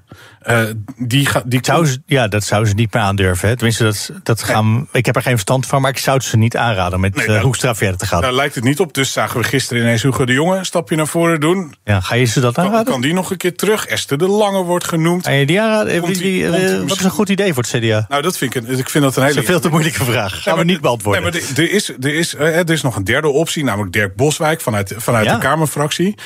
dat moeten ze nu nog gaan uitvechten buitengewoon oncomfortabel. Want je moet al, hè, mevrouw Marijnissen heeft haar eerste campagnemeeting al gepland. De het CDA weet nog niet wie de campagneleider wordt. Nou, dat is, al een lastige. Uh, GroenLinks en PvdA, als daar een gezamenlijke lijst komt, wordt dat Timmermans, wordt dat Moorman, wordt dat uh, komt uh, iemand, iemand uit GroenLinkshuizen. Um, allemaal heel ingewikkeld. En de VVD, ik vertel het je, heeft een plan. Dat is het enige, waar je zeggen. Uh, in ieder geval de regie kunnen nemen over dat ze dat plan hebben en uit kunnen rollen. Goed dat je dit zegt. Uh, goedenavond, Jesse Klaver, fractievoorzitter van GroenLinks. Goedenavond, hallo. VVD is de enige met een plan. Hoe zit dat bij GroenLinks? Dat kan dan niet dat jullie ook een plan hebben in de vorige zin, als het logisch houden. Laat ze ons maar onderschatten. Uh, het is, uh, het is dat is prima. Uh, maar vooral, ik zou zeggen, laten we niet te veel politieke duiding doen en wie heeft welke strategie. Dat ze nu vallen, is echt schandalig, om heel eerlijk te zijn. Ik, twee maanden geleden zei ik we hebben niet voor vrouwen opgezegd in het kabinet, regeren of stap op. En ze zijn al twee jaar lang niet in staat om te regeren. Ze wilden per se samen. Uh, ze zijn al twee jaar lang houden ze dit land in gijzeling. En dat ze dan nu vallen, ja, ik vind het helemaal geen politieke meesterzet of iets dergelijks. Ik vind het zeer kwalijk wat er nu gebeurt. Even goed, u zegt maak het niet de politiek. Het gaat gewoon over politiek, het gaat over verkiezingen. Uh, over hoe je de volgende verkiezingen de grootste partij wordt. Zeker, ja. Toch? Daar, daar, daar moet u ook. Nou, daar was u natuurlijk in de afgelopen maanden al mee bezig. En we hadden gisterenmiddag in onze uitzending een uh, afspraak met de voor, uh, voorvrouwen van de PvdA. Uh, die zei af, want er moest ineens gepraat worden over wat er nu kon gebeuren. Want de regering kon in elk geval vallen. Dus er is een zekere ophef bij u in de partij, neem ik aan ook. Nou, Kijk, wij zijn nou op, wij zijn, we zijn eigenlijk heel rustig, maar we zijn er klaar voor. Kijk, Nederland heeft verandering. Nederland heeft verandering nodig. En die verandering komt er alleen, denk ik, met de Verenigd Links. Ik ben nu in de Tweede Kamer en in dit gebouw zitten inmiddels meer dan ongeveer 20 fracties. De versplintering in Nederland die maakt, uh, die maakt het bijna onmogelijk om nog goede dingen te doen voor dit land. En dat betekent, wat mij betreft, dat we moeten samenwerken. Die crisis van vandaag is ook, denk ik, een, een, ja, een symptoom van het politieke eigenbelang waar al die partijen maar in blijven hangen. En wat nodig is, zijn partijen die over dat politieke eigenbelang heen stappen en zeggen: wij werken samen omdat we weten dat het beter is voor Nederland. Maar u zegt de oplossing zit op links. Zou de oplossing misschien niet voor de meeste mensen op een soort centrum rechts als de boer-burgerbeweging, die gewoon ontkennen dat er politiek bestaat? Dan, uh, ja, dan, uh, moet u met Caroline, dan moet u met Caroline van der Plas bellen. Maar ja, ik vraag aan u of dat misschien niet de echte oplossing is voor veel mensen. Niet per se voor uw kiezers. Nou, nee, dat denk ik niet. Want ik denk dat echt de oplossing is dat er gewoon uh, wordt gedaan wat nodig is. Dat problemen niet vooruit worden geschoven. Dat er moeilijke besluiten worden genomen, ook als ze niet populair zijn. En ik ben vastberaden om ervoor te zorgen dat de Partij van de Arbeid en GroenLinks bij de volgende verkiezingen met één lijst meedoen. Uh, en dat we dus samen een vuist kunnen maken en dat we die versplintering tegengaan. En daarmee verandering in Nederland mogelijk maken. En uh, daarmee heb ik niet alleen een hele mooie boodschap dat we alleen maar uh, leuke dingen zullen doen. want we moeten echt ingrijpen in Nederland, want anders gaat het mis. Dit land komt stil te staan. En dat u moet wel heel snel bewegen, denk ik, als u één lijst samen met de PvdA nog wil regelen voor de komende verkiezingen? Ja, ik ga ervan uit dat de partijbesturen dit snel zullen voorleggen aan, aan de leden. Daar is om gevraagd door de leden op een congres. Uh, dus ik ga ervan uit dat dat uh, snel wordt voorgelegd. En dan kunnen de leden daar eens, wat mij betreft, snel over stemmen. Jurjen van den Berg, vraag? Ja, u heeft gelijk, meneer Klaver. Um, de, he, het, het, gaat over de inhoud. Um, het gaat dus ook niet over het politiek spel. Maar wat is nou het thema van de campagne? Ja, wat mij betreft gaat het om een koerswijziging voor Nederland. En dat we echt andere politiek moeten hebben. Niet een politiek die alles vooruitschuift en alleen maar voor het politieke eigenbelang opkomt. Maar daar overheen stijgt. En die doet wat nodig is. Of het nou gaat over het ingrijpen bij de boeren. Of het nou gaat uh, uh, om de klimaatcrisis aan te pakken. Ook als dat pijnlijke besluiten vergt. En die durft om heel stevig in te grijpen in de sociale zekerheid. Er is net een rapport. Het is iets te abstract, waaruit... meneer Klaver. Kan het iets concreter? Wat is het thema van de komende verkiezingen? Ja, maar dit, weet u, uh, ik ben nu al een hele tijd politiek actief. En ja. dit zijn vaak vragen die ik van journalisten krijg. En ik heb me één ding vast voorgenomen blijf alleen nog maar vertellen wat ik zelf vind.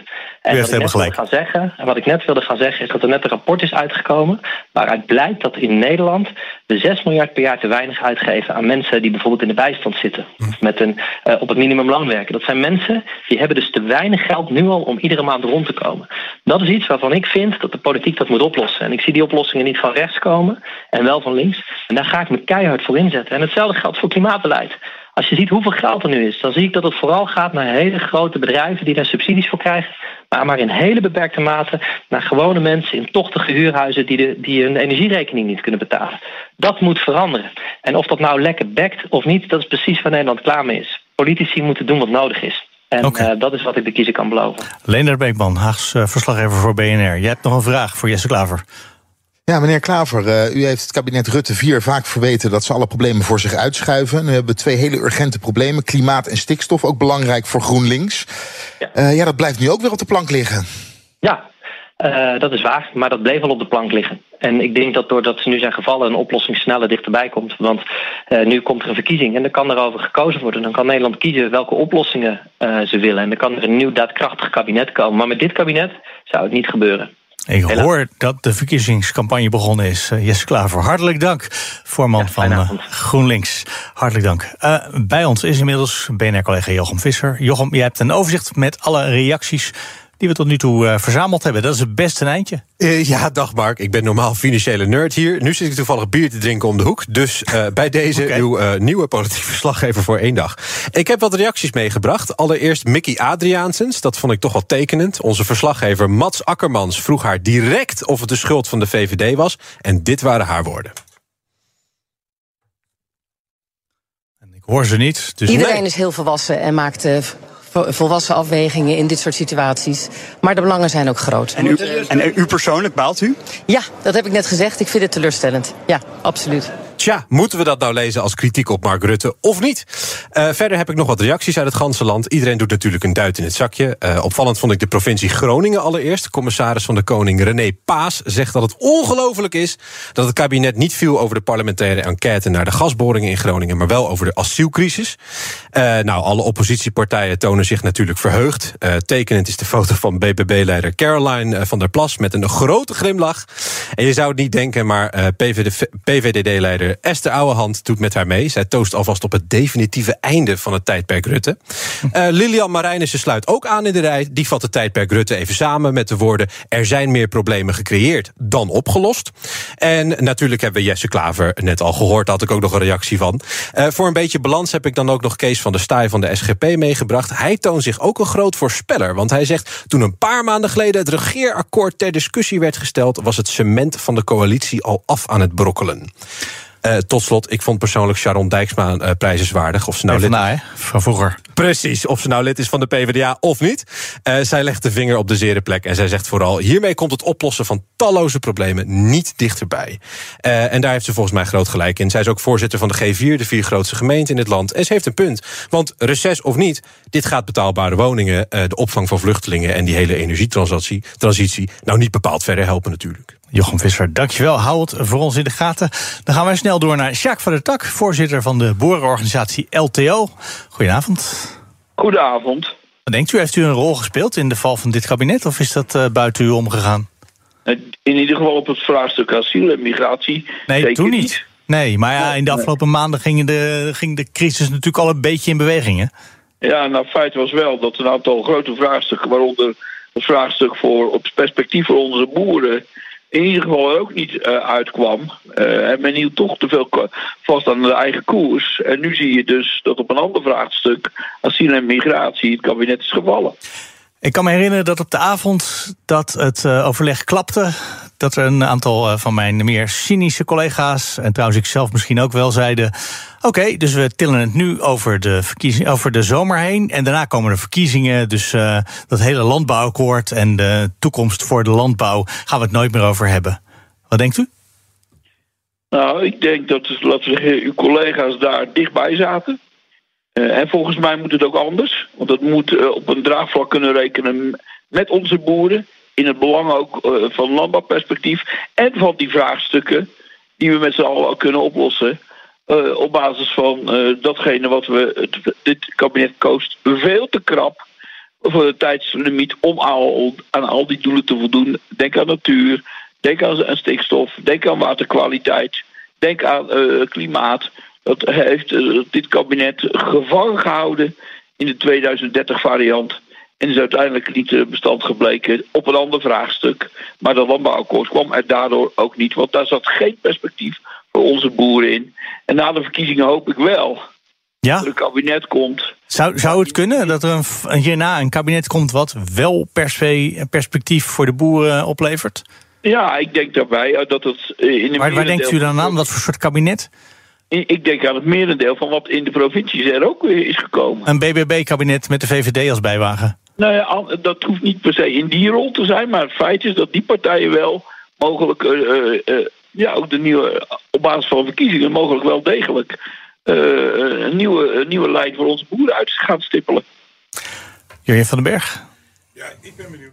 Ik denkt u niet hadden we maar wel dat landbouwakkoord gesloten. Want uh, kan het zijn dat het budget wat er is voor de hervorming in de landbouw nooit meer zo groot wordt? Ja, eh, soms moet je niet alleen koersen op een budget wat beschikbaar is, want dat was inderdaad een, een goed budget. Maar het gaat erom dat onze boeren een verdienmodel krijgen voor hun uh, producten op de markt, in de Noordwest-Europese markt. En dat zat er echt niet in. Dat is een open economie met een gemengde markt. En daar had het kabinet, wat mij betreft, echt heel veel steken laten vallen. Heeft het nieuwe kabinet weer een minister voor stikstof en een nou ja, minister voor landbouw, daar zal u zeker voor zijn. Een uh, minister voor stikstof en natuur nodig? Nee, dat vind ik ook een, een uh, dat vind ik met vele anderen ook een fout. Dit behoort Wat vindt u een fout? Te, dat, dat, dat, dat behoort ook gewoon één minister te zijn. Jacques van den Berg van LTO Nederland, heel hartelijk dank. Dan gaan we naar het kabinet Rutte 4. Dat gevallen is uiteindelijk, dat weten we inmiddels wel zo'n beetje, anderhalf jaar nadat het aantrad. En Mats Akkerman, politiek verslaggever in Den Haag, die maakte voor ons een overzicht. Het avontuur voor Rutte 4 begon eigenlijk al na de verkiezingsoverwinning van de VVD in 2021. Partijgenoten, landgenoten, ik ben super trots. En ik wil in eerste plaats alle kiezers bedanken die de VVD vanavond vertrouwen hebben gegeven. We zijn voor de vierde keer op rij de grootste partij van Nederland geworden. Dat moest door de coronamaatregelen op dat moment in hele kleine kring gevierd worden. Bij D66 was het feestje er niet minder om. Ik eh, besloot op tafel te klimmen. En was spontaan. Uiteraard. en uh, gewoon ja, het moment te vieren met iedereen. En we waren daar gewoon aan het klappen. Zij Kaag in maart 2021 tegen RTL Nieuws. Na de feestvreugde kwam de formatie, die zo'n negen maanden duurde. De formatie verliep niet vlekkeloos. Zo liep verkenner Olongren met haar aantekeningen langs de pers. En er zat een opvallende notitie tussen. Waarom stond de naam van Pieter Omtzigt met daarbij de tekst functie elders op een per ongeluk gefotografeerde notitie van verkenner Keizer Ollongren. Rutte gaf aan dat er niet over omzicht gesproken was, maar daar moest hij later op terugkomen. Ik kan u dit zeggen. Ik heb naar eer en geweten de pers te woord gestaan. Over wat ik dacht wel en niet te hebben gezegd in dat gesprek bij de verkenners. Ik heb me dat achteraf verkeerd herinnerd. Ik betreur dat ten zeerste. En na een urenlang debat op 1 april overleefde Rutte toen wel een motie van wantrouwen. Er gebeurde nog wat opvallends tijdens de formatie. Wat gewoon is gezegd is dat de heer Remkes warrig was. Lees dat hij gezopen had. Via D66 kwam naar buiten dat formateur Johan Remkes zou hebben gedronken. Uiteindelijk nam die partij de beschuldiging weer terug. Eind 2021, negen maanden na de verkiezingen, waren ze eruit. We hebben heel lang zonder kabinet gezeten, heel lang zonder een missionair kabinet. En het is nu de hoogste tijd om aan de slag te gaan. Het nieuwe kabinet trad nog aan in coronatijd, maar na een paar maanden konden we al afscheid nemen van alle coronamaatregelen. Goedenavond. Het land gaat weer open. Maar andere problemen zetten het land juist op slot. En die bleef het kabinet parten spelen, zoals het stikstofprobleem. Er is afdoende, wat mij betreft, echt afdoende wetenschappelijk aangetoond dat stikstof uh, overbelasting tot verzuring en vermesting van de bodem uh, leidt. En dat heeft invloed en impact op de natuurkwaliteit. Er ontstond meerdere keren discussie in de coalitie over stikstof. Onder andere na een interview van partijleider Wopke Hoekstra van het CDA. Die zei dat het afgesproken jaartal om de doelen te halen niet heilig was, tot ergernis van de oppositie. Vorig jaar hebben jullie de fik gezet in de coalitie. Met een interview van een minister van Buitenlandse Zaken notabene... die zich ook partijleider noemt... waarin hij het beleid wat er ligt onderuit schoffelt. Het kabinet probeerde tot een landbouwakkoord te komen... om afspraken te maken over de toekomst voor agrarische bedrijven... maar dat mislukte. Voorzitter, het landbouwakkoord was gedoemd te mislukken. Radicale veehouders en grote agrobelangen gijzelen al jaren ons land. Een ander hoofdpijndossier voor Rutte 4 was de gaswinning in Groningen. Lange tijd was er te weinig aandacht voor de Groningers zelf. Het kabinet bood daar excuses voor aan. De machine van de gaswinning winning, denderde maar door. En daardoor zijn niet alleen huizen, maar ook levens van mensen beschadigd. Daarvoor bied ik vandaag namens het kabinet excuses aan. Maar niet het stikstofprobleem of de gaswinning heeft het kabinet dus uiteindelijk de das omgedaan, maar de opvang van vluchtelingen. De coalitiepartijen willen dat er grip komt op de aantallen asielzoekers die naar Nederland komen, maar de VVD en CDA eisen een veel strenger beleid dan D66 en de ChristenUnie. De VVD, of Rutte heeft zijn VVD beloofd om uh, de instroom te beperken. Uh, de achterban vroeg daarom. Ja, en de ChristenUnie heeft nog steeds een grote kater van de vorige asieldeal van mm -hmm. eind vorige zomer. En het kabinet kwam er niet uit en is na anderhalf jaar regeren dus nu gevallen. Zij politieke verslaggever Mats Akkerman. Uh, het einde van Rutte 4 lijkt in zicht. We gaan eens even kijken hoe het is met Sophie van Leeuwen. Net oud verslaggever op de categorie politiek van BNR. Sophie, goedenavond. Ja, dag Mark. Uh, ik krijg trouwens nog wel de sms'jes van de RVD. Rijksvoorlichtingsdienst, uh, ja. Wat zeggen ze? Ja, van Rutte om, om uh, half elf, dus ja. over zes minuten, gaat de premier spreken tot het land. En dan zal hij waarschijnlijk het einde van zijn kabinet officieel aankondigen. Ja, gaat hij het eerst aan ons vertellen en daarna pas aan de koning? Dat is echt heel onkoninklijk van de premier. Zo kennen we hem toch niet? Ja, die details heb ik niet, maar nee, gelijk. ik denk dat hij gaat vertellen dat hij het ontslag gaat aanbieden aan de koning. Dat hij dan daarna eventjes daarheen loopt of fietst. Ja, met een appeltje. Met een appeltje en dan, uh, dan is het echt officieel als de koning het weet. Jij hebt hem in de afgelopen jaren meegemaakt. Uh, vooral Rutte 4 natuurlijk, zoals we allemaal nu meemaken. Wat is nou in essentie waar Rutte 4 voor stond in die tijd? Rutte 4, ja, het ging eigenlijk vanaf het begin al mis, Mark. Het was, ik heb ook de, de, de val van het kabinet uh, over de toeslagenaffaire meegemaakt. Het was het winter uh, 2020, 2021. We zaten midden in een corona-lockdown, weet je nog? Het waren Zeker. hele zware, lange, donkere maanden. En um, ja, toen vlak voor de verkiezingen lieten ze het klappen. En uh, vervolgens ging Rutte door. Waar ging je toen toch ook weer? Oh, ging, ik wou zeggen, waar ging toen toch ook weer op mis? Maar het ging toen niet mis. Het was het toeslagenschandaal waarop uh, Mark Rutte door zijn collega's geholpen besloot dat ze moesten aftreden. Ja, het, het, het, was, het was een heel, hele, moeilijke, hele moeilijke fase midden in de coronacrisis. En toen vervolgens, ja, de persconferenties gingen door. Mensen zaten thuis met de avondklok toen er nieuwe verkiezingen waren. Dus we waren eigenlijk uh, ja, opgesloten, keken naar Mark Rutte op de persconferentie. En hij won die verkiezingen. En natuurlijk was er Sigrid Kagen op de tafel, die zichzelf als morele winnaar, tot morele winnaar uit, uh, uitriep. En dat was een heel slecht huwelijk eigenlijk vanaf het begin. En nog los van die formatie, die natuurlijk ongeveer bijna een jaar heeft geduurd. Het, is, het, ja, het was eigenlijk een, een hele slechte start. En nadat het nu is geklapt, um, dat ja. is ook niet heel erg verbazingwekkend. Toch naar wat we al hebben gezien de afgelopen jaren. In het begin riep iedereen dat Mark Rutte en Sigrid Kaag niet met elkaar overweg konden. En als je het dan aan ze vroeg, zei ze: Wij vinden het heel gezellig samen. Uh, heb jij dat ooit geloofd? Uh, nee, niet echt. Oh, nee, okay. nee, ik, Nee, het, het, weet je, ze hebben een zakelijke relatie. En uh, ze, ze, kunnen allebei hard onderhandelen. En uh, nee, ik, ik denk niet dat het hele goede vrienden van elkaar zijn. Het zijn natuurlijk wel liberalen, hè? dus dat ja. is heel bijzonder geweest. Het is een liberaal kabinet met twee grote partijen... die ook ja, voor een groot deel uh, wel dezelfde idealen delen. Maar um, op principiële zaken, ook nu... De, de, de ChristenUnie was misschien tegen deze asielafspraken... maar ook D66 heeft daar heel erg veel moeite mee. Zaken als de rechtsstaat, de democratie...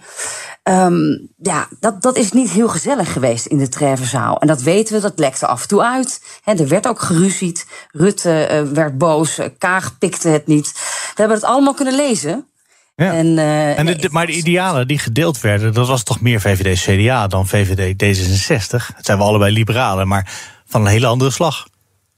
Ja, nou, binnen de coalitie was het natuurlijk zo dat vaak VVD en CDA aan de ene kant stonden. Uh, uh, met meer zetels hè, dan aan de andere kant D66 en de ChristenUnie. Dat is natuurlijk nu ook weer zo hè, met de asielproblemen.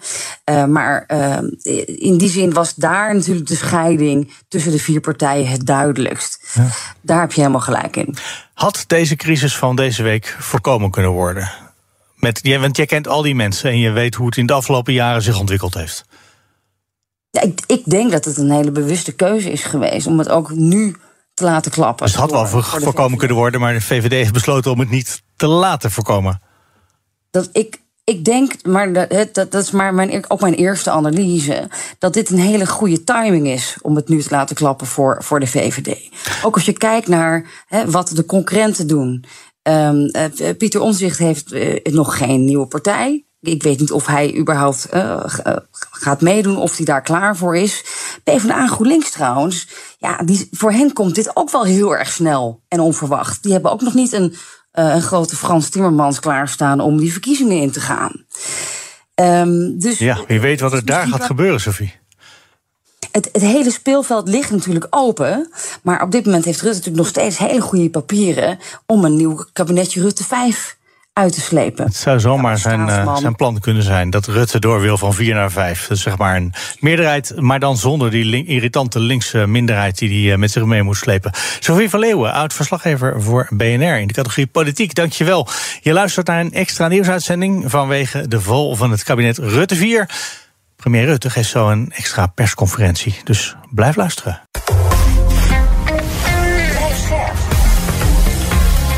BNR Nieuwsradio. Extra nieuwsuitzending.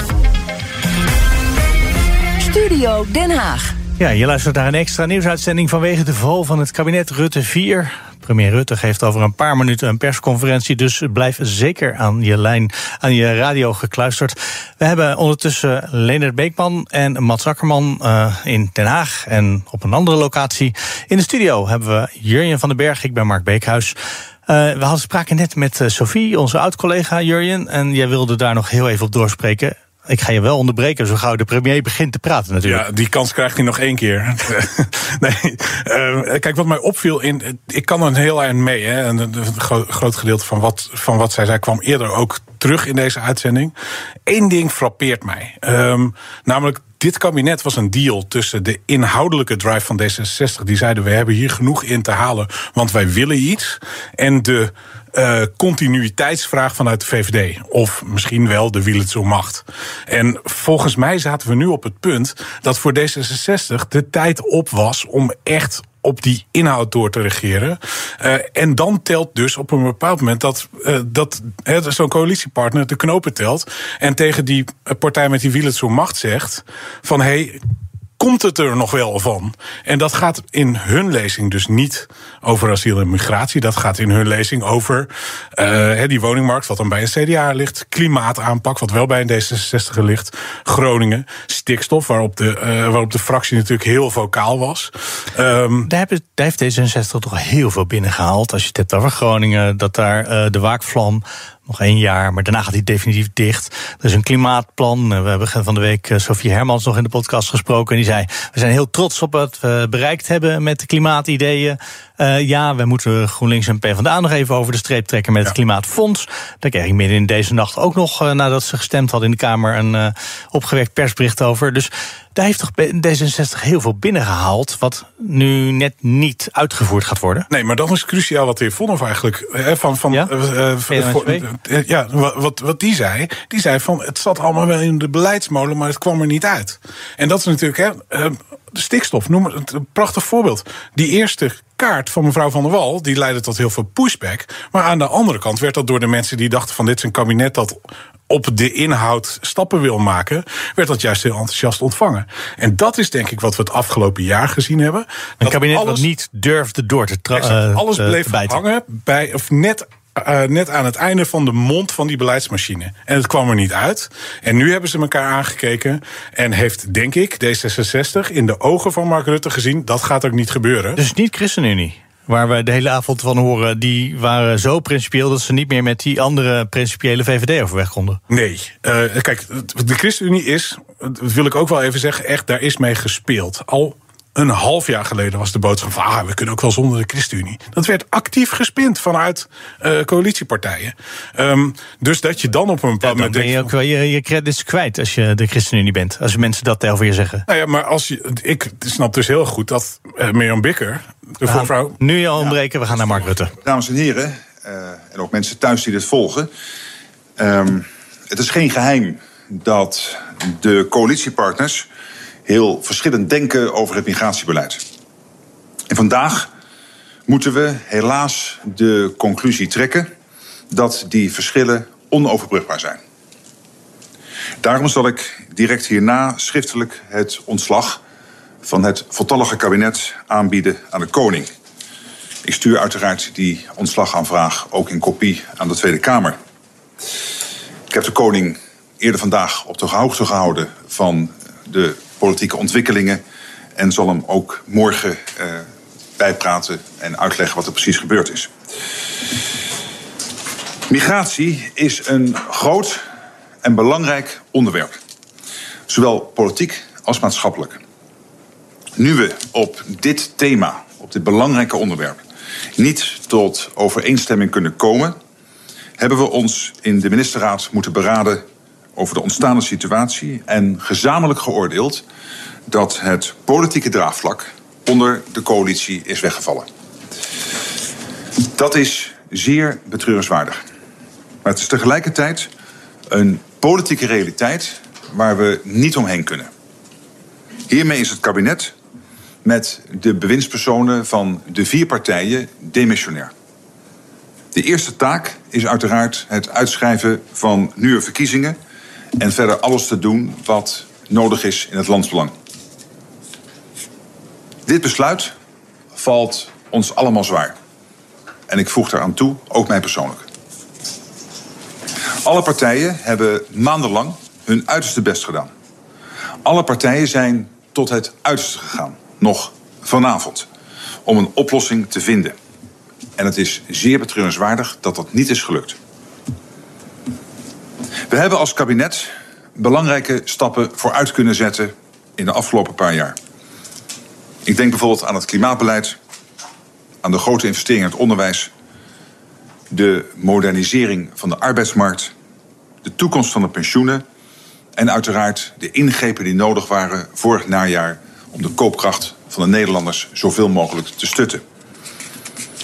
En ook hebben we eensgezind inspanningen gedaan om Oekraïne, het slachtoffer van een verschrikkelijke Russische agressieoorlog, om Oekraïne zo goed mogelijk te helpen.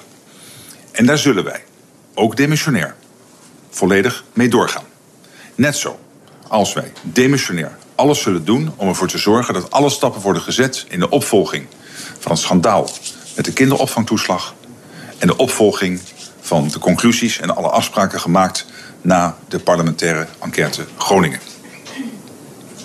Tegelijkertijd zijn er natuurlijk de nodige urgente thema's die ook om besluiten vragen. De stikstofaanpak en de toekomst van landbouw en natuur. Maar ook de woningmarkt en inderdaad migratie. Nederland wacht op oplossingen en niet op uitstel. En het is spijtig dat uitstel er nu, uitstel er nu onvermijdelijk toch komt. En toch zullen we proberen ook de komende maanden op al deze onderwerpen zo verstandig mogelijk beleid te voeren. Dit alles, dat wil ik erbij zeggen, doet niets af aan de plezierige en doelgerichte manier waarop we met elkaar in het kabinet hebben samengewerkt. En ook in de afgelopen dagen, met respect voor elkaars opvattingen, de vier partijen hebben gewerkt, ook aan het migratievraagstuk. En ik wil dan ook vanavond mijn dank en grote waardering uitspreken aan alle collega's in het kabinet, maar ook uiteraard alle eh, fractievoorzitters en leden van de Kamerfracties die deze coalitie ondersteunen. We hebben met elkaar in een goede sfeer het nodige tot stand kunnen brengen. Het is jammer dat we door deze scheiding halverwege de rit het werk niet kunnen afmaken. Dank u wel. En de is eruit. Ja, ik denk niet dat we alle vragen gaan beantwoorden. Maar je hoorde in elk geval een premier Rutte bij uh, de persconferentie die hij net gaf over het einde van zijn vierde kabinet. Wie weet komt er een vijfde. Die, uh, we hebben Rutte vijf net al een paar keer voorbij horen komen. Hij zei eigenlijk, uh, Leendert, als ik het in de meest cynische zin voorbij hoor, even samenvat. We hebben het best gezellig gehad met z'n allen, maar we hebben er geen zin meer in. Is dat te cynisch voor jou? Nou ja, dat is eigenlijk wel wat hij gezegd heeft. Maar ik geloof niet dat het altijd even gezellig is geweest. Er zijn echt. Zelfs dat niet eens. nee, het wordt toch erger. En, en er wordt, ja, en dan, als je er heel cynisch naar kijkt, hij zegt. Uh, we hebben heel veel grote opgaven. En hij noemde er een paar. Uh, stikstof, klimaat, uh, de, de, de opgave. Ja, woningmarkt. De, de woningmarkt. En het is jammer dat dat nu tot stilstand komt. Ik denk dat er een hoop politici in ieder geval, zeker uit de oppositie, zullen zeggen. Maar we stonden al stil. Dus hè, die klaar Klaver dat net ook zeggen. Dus wat zijn we nou eigenlijk uh, tot nog toe opgeschoten? Uh, ja, maar een val van een kabinet is uh, altijd pijnlijk. En je kan je afvragen, zeker bij de grote opgaven. En ik kijk dan speciaal naar stikstof en naar klimaat. En waar ook fondsen voor opgericht zijn om die problemen op te lossen. Ja, hoe nu verder? Ja, want dat is allemaal niet helemaal geregeld, toch? Ik bedoel, dat stikstoffonds is geloof ik wel aangenomen, maar het klimaatfonds, daar, is dat er al helemaal rond? Uh, nee. Over vraag ik je nu. Nee, dus, precies. Uh, nee, dus dan heb je dan halverwege de wedstrijd verlaat je het veld. Ja, maar ook op het gebied van stikstof. Het fonds is er wel, maar naar welke doelen het geld precies toe gaat, ja, dat is nog helemaal niet, uh, uh, nog niet bepaald. Dus een nieuwe coalitie, en daar, was, daar waren GroenLinks en Partij van de Arbeid ook bang voor. Als er een nieuw kabinet zit, uh, en zeker als het kabinet over rechts zou gaan, onder andere met, met BBB. Ja. En misschien gaat het geld wel naar innovaties, hè, waar bepaalde partijen het niet in geloven. Ja, het is maar de vraag, waar, gaat, waar gaan die miljarden zo meteen naartoe? Nog weer nieuwe Heel veel vraagtekens. Ja, nieuwe stalvloeren. Er blijven heel veel vraagtekens blijven er, eh, blijven er staan. En uh, ja, je kan je afvragen, wat heeft Rutte 4 na anderhalf jaar precies bereikt? Ja, de premier zei, we hebben het over een groot, en over asielprobleem, of de migratie noemde hij het, een groot politiek en maatschappelijk probleem. En ik weet zeker dat de mensen op links zeggen, misschien was er een politiek probleem, maar maatschappelijk was het probleem er dit jaar niet. Want dit was een gecreëerd probleem met een deadline verzonnen door de VVD die op niets anders dan de zomerkalender uh, gebaseerd is. Maar daar hoor ik Mark Rutte natuurlijk niet over, hè? Nee, we hebben natuurlijk nog wel een ander probleem. De asielketen is nog steeds vastgelopen. Uh, de spreidingswet is niet geregeld. Dat moet nog steeds door de kamers uh, moet dat heen. in de provincies en in gemeenten is er veel verzet. Ehm, asielzoekers moeten opgevangen worden. Er is een tekort aan huizen. Ja. Hè, voor statushouders. Uh, dus ja, uh, er is wel degelijk een maatschappelijk probleem. Maar of het nou een asielprobleem is. Of een probleem. Of een VVD-probleem. Daar wordt heel anders, uh, daar wordt heel anders over gedacht. Ja, de, de premier nam ook meteen alle optimistische gedachten weg over. Misschien komt er een rompkabinet zonder de ChristenUnie en of zonder D66. Want er komen verkiezingen, dat zei hij meteen. Ja, en een rompkabinet. En we hoorden het Verriet als er kan net ook al vertellen. Ja, daar is gewoon niet genoeg steun voor. Want je moet ook nog naar de Eerste Kamer kijken. En ja, eh, met welke partijen wil je dat dan gaan doen? Dus het is heel logisch dat er nu verkiezingen komen. En we hadden het er net al eventjes over. Ja, het is toch echt de vraag... Uh, voor veel partijen, hoe gaan die verkiezingen eruit zien? Met wie gaan ze de verkiezingen in? Het werd net al benoemd, het CDA, Hugo de Jonge, Dirk Boswijk. Ik heb ook wel eens iemand horen roepen, misschien wel Karin van uh, Gennep. Ehm, D66, we weten dat Kaag, dat heeft ze bij uh, College Tour al laten horen, eigenlijk geen zin meer heeft om verder te gaan in de politiek. Wie gaat dan uh, lijsttrekker worden bij D66? Uh, wordt Jette dat? Uh, misschien wel Dijkgraaf? Jan Paternotte? Dan hebben we Partij van de Arbeid GroenLinks. Ook daar is het nog niet uitgemaakt wie dat gaan doen. Uh, Timmermans, komt hij terug vanuit Europa? Hij heeft natuurlijk drie jaar geleden bij de Europese verkiezingen een, een onverwachte en grootse winst gehaald voor de Partij van de Arbeid. Um, of gaat Klaveren doen? Artje Kuiken uh, wordt natuurlijk nog genoemd. Uh, Moorman is nog in de, in de running. Omzicht. Komt er een partij of gaat hij zich aansluiten bij BBB? Ik zie dat eerlijk gezegd niet zo snel gebeuren. En dan Allebei we ook niet, toch? De ChristenUnie kijken. Uh, ja. Nee, want uh, hoe snel kan Pieter Om zich nog een partij oprichten en meedoen met de nou, verkiezingen en in snel. alle. Dat hebben we bij. Dat hebben we bij Pim Fortuyn natuurlijk gezien. Uh, als er een, een, wil is, dan is er een weg. Pim Fortuyn had in no time, toen hij bij Leefbaar Nederland weggestuurd werd... Ja. had hij een eigen partij opgericht met een lijst, ja, daar kunnen we nog heel lang over praten. Maar dan kwamen 26 Kamerleden uh, richting Den Haag. Allemaal even onervaren. Er zit er trouwens nog één nu uh, in de Kamer, dat is Joost Eertmans. Een jaar 21 inmiddels, ook richting ja. Een, uh, ja, uh, dus uh, als omzicht wil, kan er een partij zijn. Maar de vraag is, uh, lukt dat? Wil hij dat? En is hij daar ook. is dat goed voor Nederland? Dat is ook misschien voor? wel een goede vraag. Ja, is hij. Ook, ja, maar is hij daar ook klaar voor? En dan hebben we nog de ChristenUnie. Daar is de vraag: gaat Mirjam Bikker de kar trekken? Of wordt er toch gekeken naar Carola Schouten? Ja. Er moet veel gebeuren deze zomer voordat we de verkiezingen in kunnen gaan. Okay. Jurjen van den Berg is nog steeds in de studio. Uh, je hebt ook vast observaties bij uh, wat de premier net zei. Ja, het, ik vond het dus een hele knappe speech. Ja? Alleen niet geloofwaardig. Uh, de, de speech heeft, heeft alle, uh, heeft, heeft alle uh, punten afgecheckt. Dus geen dolkstoot, maar gezamenlijk einde. Terwijl er wel gespind wordt daarover. Um, de val als onvermijdelijk neerzetten in plaats van daar een actor op zetten. Het politieke draagvlak was weg. Dit was de realiteit. Maar je kan ook heel moeilijk als premier zeggen: sorry, ik heb mijn eigen kabinet om zeep geholpen. Nee, klopt. Dus natuurlijk gaat hij dat niet zeggen. Nee, daarna noemde hij alle successen van de coalitie. Hè, waar wij eigenlijk ja. net zeiden van... er is heel veel in die dat was een kort lijstje, dus dat klopt wel. Wat ja. jij zei, er is niet zoveel bereikt. En toen kwam hij met het, met het lijstje van, goh, wat is nu belangrijk? En het eerste wat hij deed is, en eh, omdat er nog steeds gespeculeerd wordt over of zijn toekomst bij de NAVO ligt, ook al heeft meneer Stoltenberg voor een jaar verlengd, het eerste was Oekraïne. Uh, ja. En dat was een NAVO-lijntje. Dus die, die optie blijft leven. Ja, Voor... oh, dat heb ik helemaal niet zo gehoord. Ja.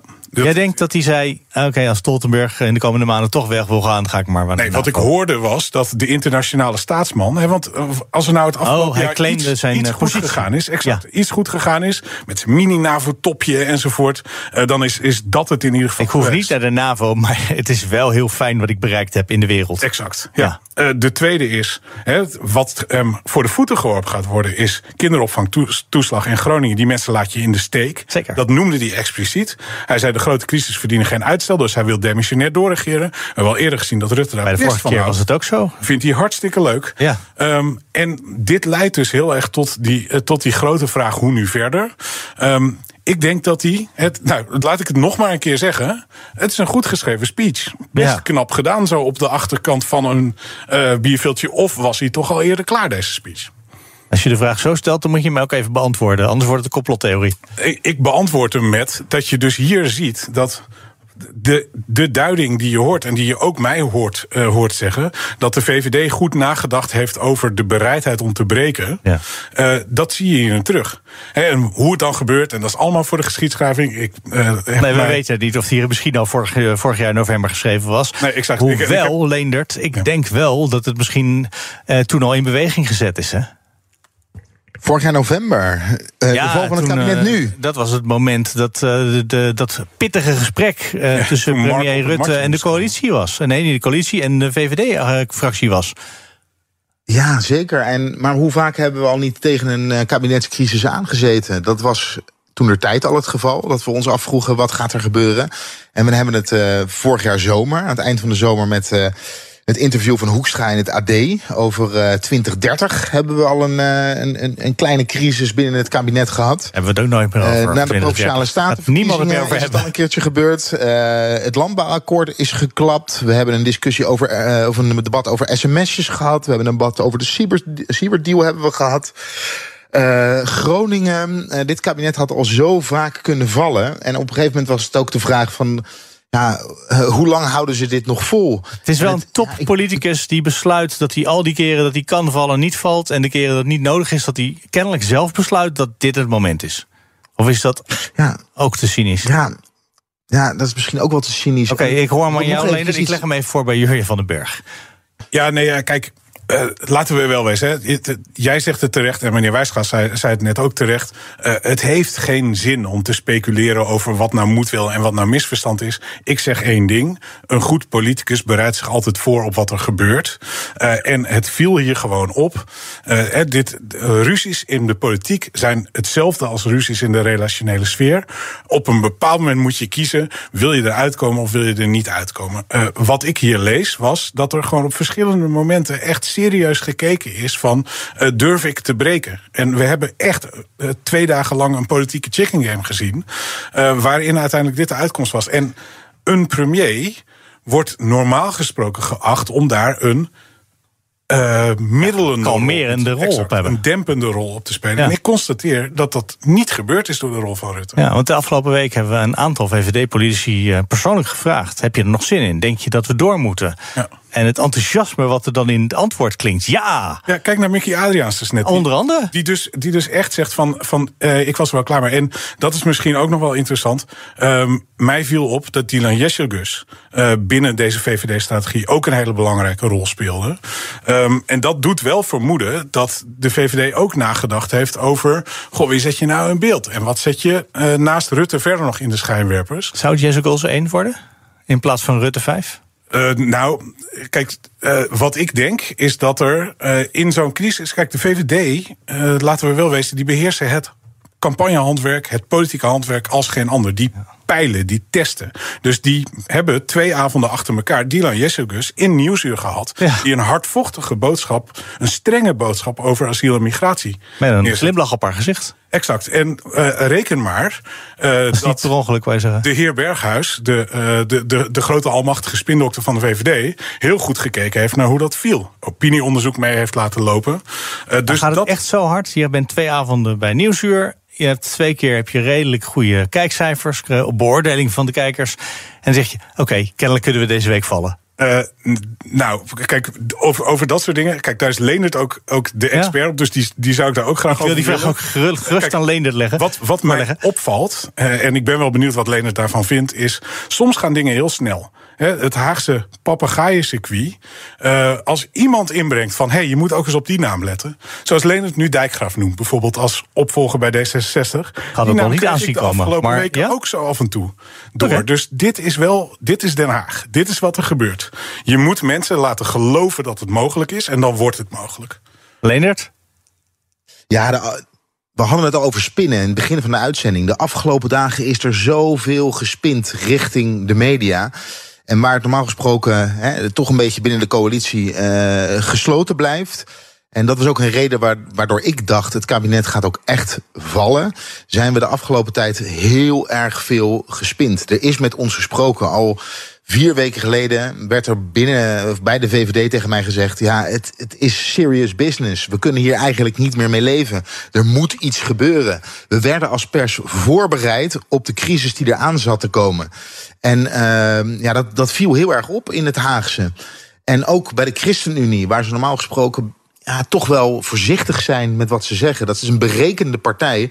Ja, daar ging op een gegeven moment, uh, konden we een open gesprek voeren over waar de discussies over gingen binnen de coalitie. En zelfs de afgelopen dagen uh, achter gesloten deuren. Het waren allemaal tekenen waar, waar ze niet tevreden mee waren. Dat waren allemaal tekenen dat het echt de verkeerde kant op ging. Ja, ja want die is ook heel belangrijk. Hè? Want Leendert moet zijn reconstructie maken. Maar uh, morgen komen ook de zaterdagkranten uit. Ja. En die stukken moeten af zijn. En dus als je nu pas begint met toelichten wat er gebeurd is in dat en dan proces. Komt het niet meer morgen in de krant. Dan staat nee. het in de maandagkrant. Exact. ja. Uh, nee, want we hebben het natuurlijk van de week vaak over gehad, Leonard. En ik dacht, dit is een zo opzichtig plannetje van de VVD. En daar hebben de coalitiepartijen aan geholpen om het heel zichtbaar te maken. Waardoor het totaal ontploft is in het gezicht van Mark Rutte en dus de VVD. Dus de VVD, slim als ze zijn, die stellen het even een weekje of twee uit. Maar ik had het mis. Ja, dat goed. Jij zei ze gaan vallen. Is het gisteren, dan is het wel vandaag. Um, dat, dat ben ik toch nieuwsgierig. Gaat dit dan de VVD helemaal geen schade kosten? Dat ze zelf. Want ze hebben, uiteindelijk de VVD heeft de boel laten knallen nu. Ja, het idee is nu dat de VVD de boel heeft laten knallen. Je viel heel eventjes bij mij weg, maar ik heb volgens mij. Ja, uh, we hebben van de, vaak, van de week vaak genoeg gesproken ja. dat je weet wat, je, wat ik ja, gezegd precies, heb. Uh, Um, nou, en nog even over dat, uh, over dat spinnen, wat er dus gebeurde. Normaal gesproken, als je actief benaderd wordt vanuit partijen, is dat meestal met goed nieuws. Met plannetjes dat, hè, die, zich, uh, die, die ze willen pushen, zeg maar. Die ze even bij jou willen insteken. Ja. En op het moment dat er vanuit partijen eigenlijk het slechte nieuws actief naar jou toegebracht gaat worden, ja, dan is er echt iets aan de hand in Den Haag. En dat is wat er de afgelopen dagen gebeurd is. En niet van alleen vanuit de VVD, maar ook vanuit de andere coalitiepartijen. Uh, ja, dus op dat moment weet je gewoon, het gaat de verkeerde kant op. Jurjen? Ja, ik ben nog over één ding. Naar één ding ben ik heel erg benieuwd, Leendert. Um, de, de naam van het CDA valt niet in dit hele verhaal. Uh, ik heb het gevoel dat zij geen regie hebben kunnen voeren in dit, uh, in dit proces. Hoe kijk jij daar tegenaan?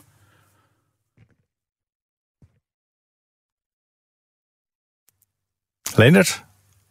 Oké, okay, je bent ineens weg. Oh, nou, dan mag je de vraag Ik hoorde net oh. dat er... Uh, Ja, Leonard, nee, Ik heb de vraag helemaal niet gehoord, want er werd vanuit de regie tegen mij gepraat.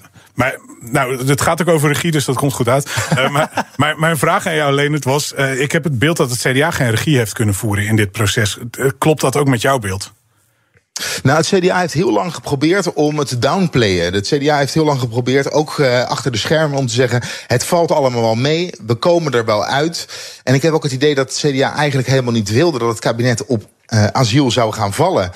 Uh, want zoals ik al eerder in de uitzending benoemd heb, uh, we hadden natuurlijk ook nog dat hele stikstofprobleem. En dat was eigenlijk het thema van het CDA. Zij wilden op het gebied van stikstof en landbouw, wilden ze die kiezer weer bij zich terugkrijgen. Dus het CDA had er helemaal geen baat bij dat hier een crisis over zou staan. Laat staan dat het kabinet zou gaan vallen over asiel.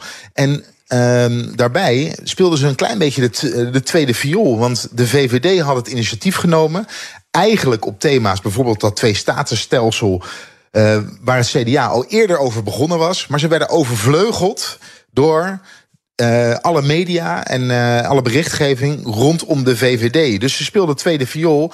En daardoor zijn ze ja, in de beeldvorming eigenlijk wat minder naar voren gekomen. En ik denk dat ze bij het CDA echt hoopten dat. Dat dit met een sisser zou aflopen. En dat merkte je ook wel. De afgelopen dagen heb ik bij Algemene Zaken gestaan. Ja, uh, bij de VVD moesten ze natuurlijk zeggen... het gaat goed komen, we hebben nog een plan liggen. Maar bij het CDA hoopten ze het ook echt. Hoekstra was wat minder um, uh, optimistisch. In ieder geval, die sprak zich wat minder uit.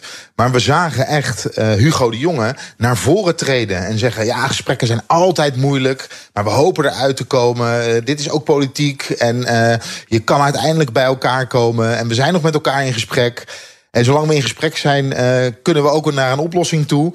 Uh, ja, CDA heeft het tweede viool gespeeld. En uh, ze hebben het geprobeerd te downplayen. En ik denk dat ze strategisch gezien, als je politiek alleen maar ziet als, als een strategie, hebben ze denk ik de plank misgeslagen. Ja, nou ja, dat, komt ook overeen met mijn beeld. Dat zeg maar, ze hadden een plan.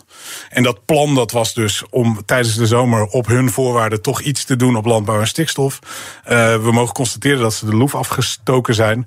En Kijk, Hugo de Jong is ook interessant, want die had persoonlijk weer een plan. Die was bezig met. Die had een hele ambitieuze woningbouwagenda. die hij nu niet uit kan voeren. Waardoor uh, zijn positionering als leider uh, in, uh, in gevaar komt. Maar in zijn algemeenheid denk ik ook dat hier de grote nederlaag ligt. van al die bewindspersonen, al die vakbewindspersonen in het kabinet. die waren bezig met die grote ambities. Die hadden die in die beleidspijplijn. en wat er nu gaat gebeuren is dat die niet uitgevoerd kunnen worden. En juist daar zit de kiezer op te wachten. Dus daarmee is het. Het cynisme is toegenomen. Het cynisme is toegenomen. En de VVD denkt eruit te komen met nog eens een keer de leiderschapskaart van Mark Rutte. Heeft een beetje getest. Ja, Oké, okay, dus. maar je zegt dus een beetje zo. Uh, denkt dat ja. in de laatste minuut van deze uitzending. Is dat een reële, reële verwachting? Nou, ze, de afgelopen verkiezingen hebben ze slechter gepresteerd dan ze dachten. En klopte hun strategie niet. Toen zochten ze die, die tweestrijd met links. Toen zei de kiezer: nee, ja. we vertrouwen ze niet, we, we stemmen BBB. Uh, dus tenzij dat landschap veranderd is. En ik denk dat het alleen maar meer die kant op verschoven is. Gaan de komende verkiezingen dus over inhoud, vertrouwen, plannen, perspectieven. En to be honest, dat is niet op dit moment de sterkste as van Mark Rutte. En daarmee komen we misschien wel aan het einde van, nou zeker Rutte 4. Misschien wel de carrière van uh, Rutte in het algemeen. Uh, wie zal het zeggen? De verkiezingen zullen het na de zomervakantie leren.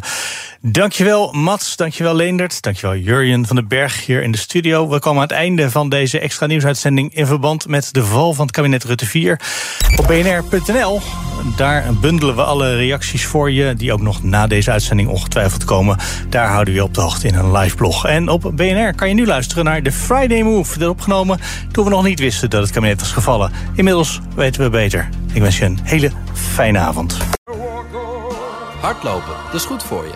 En Nationale Nederlanden helpt je daar graag bij. Bijvoorbeeld met onze digitale NN Running Coach... die antwoord geeft op al je hardloopvragen.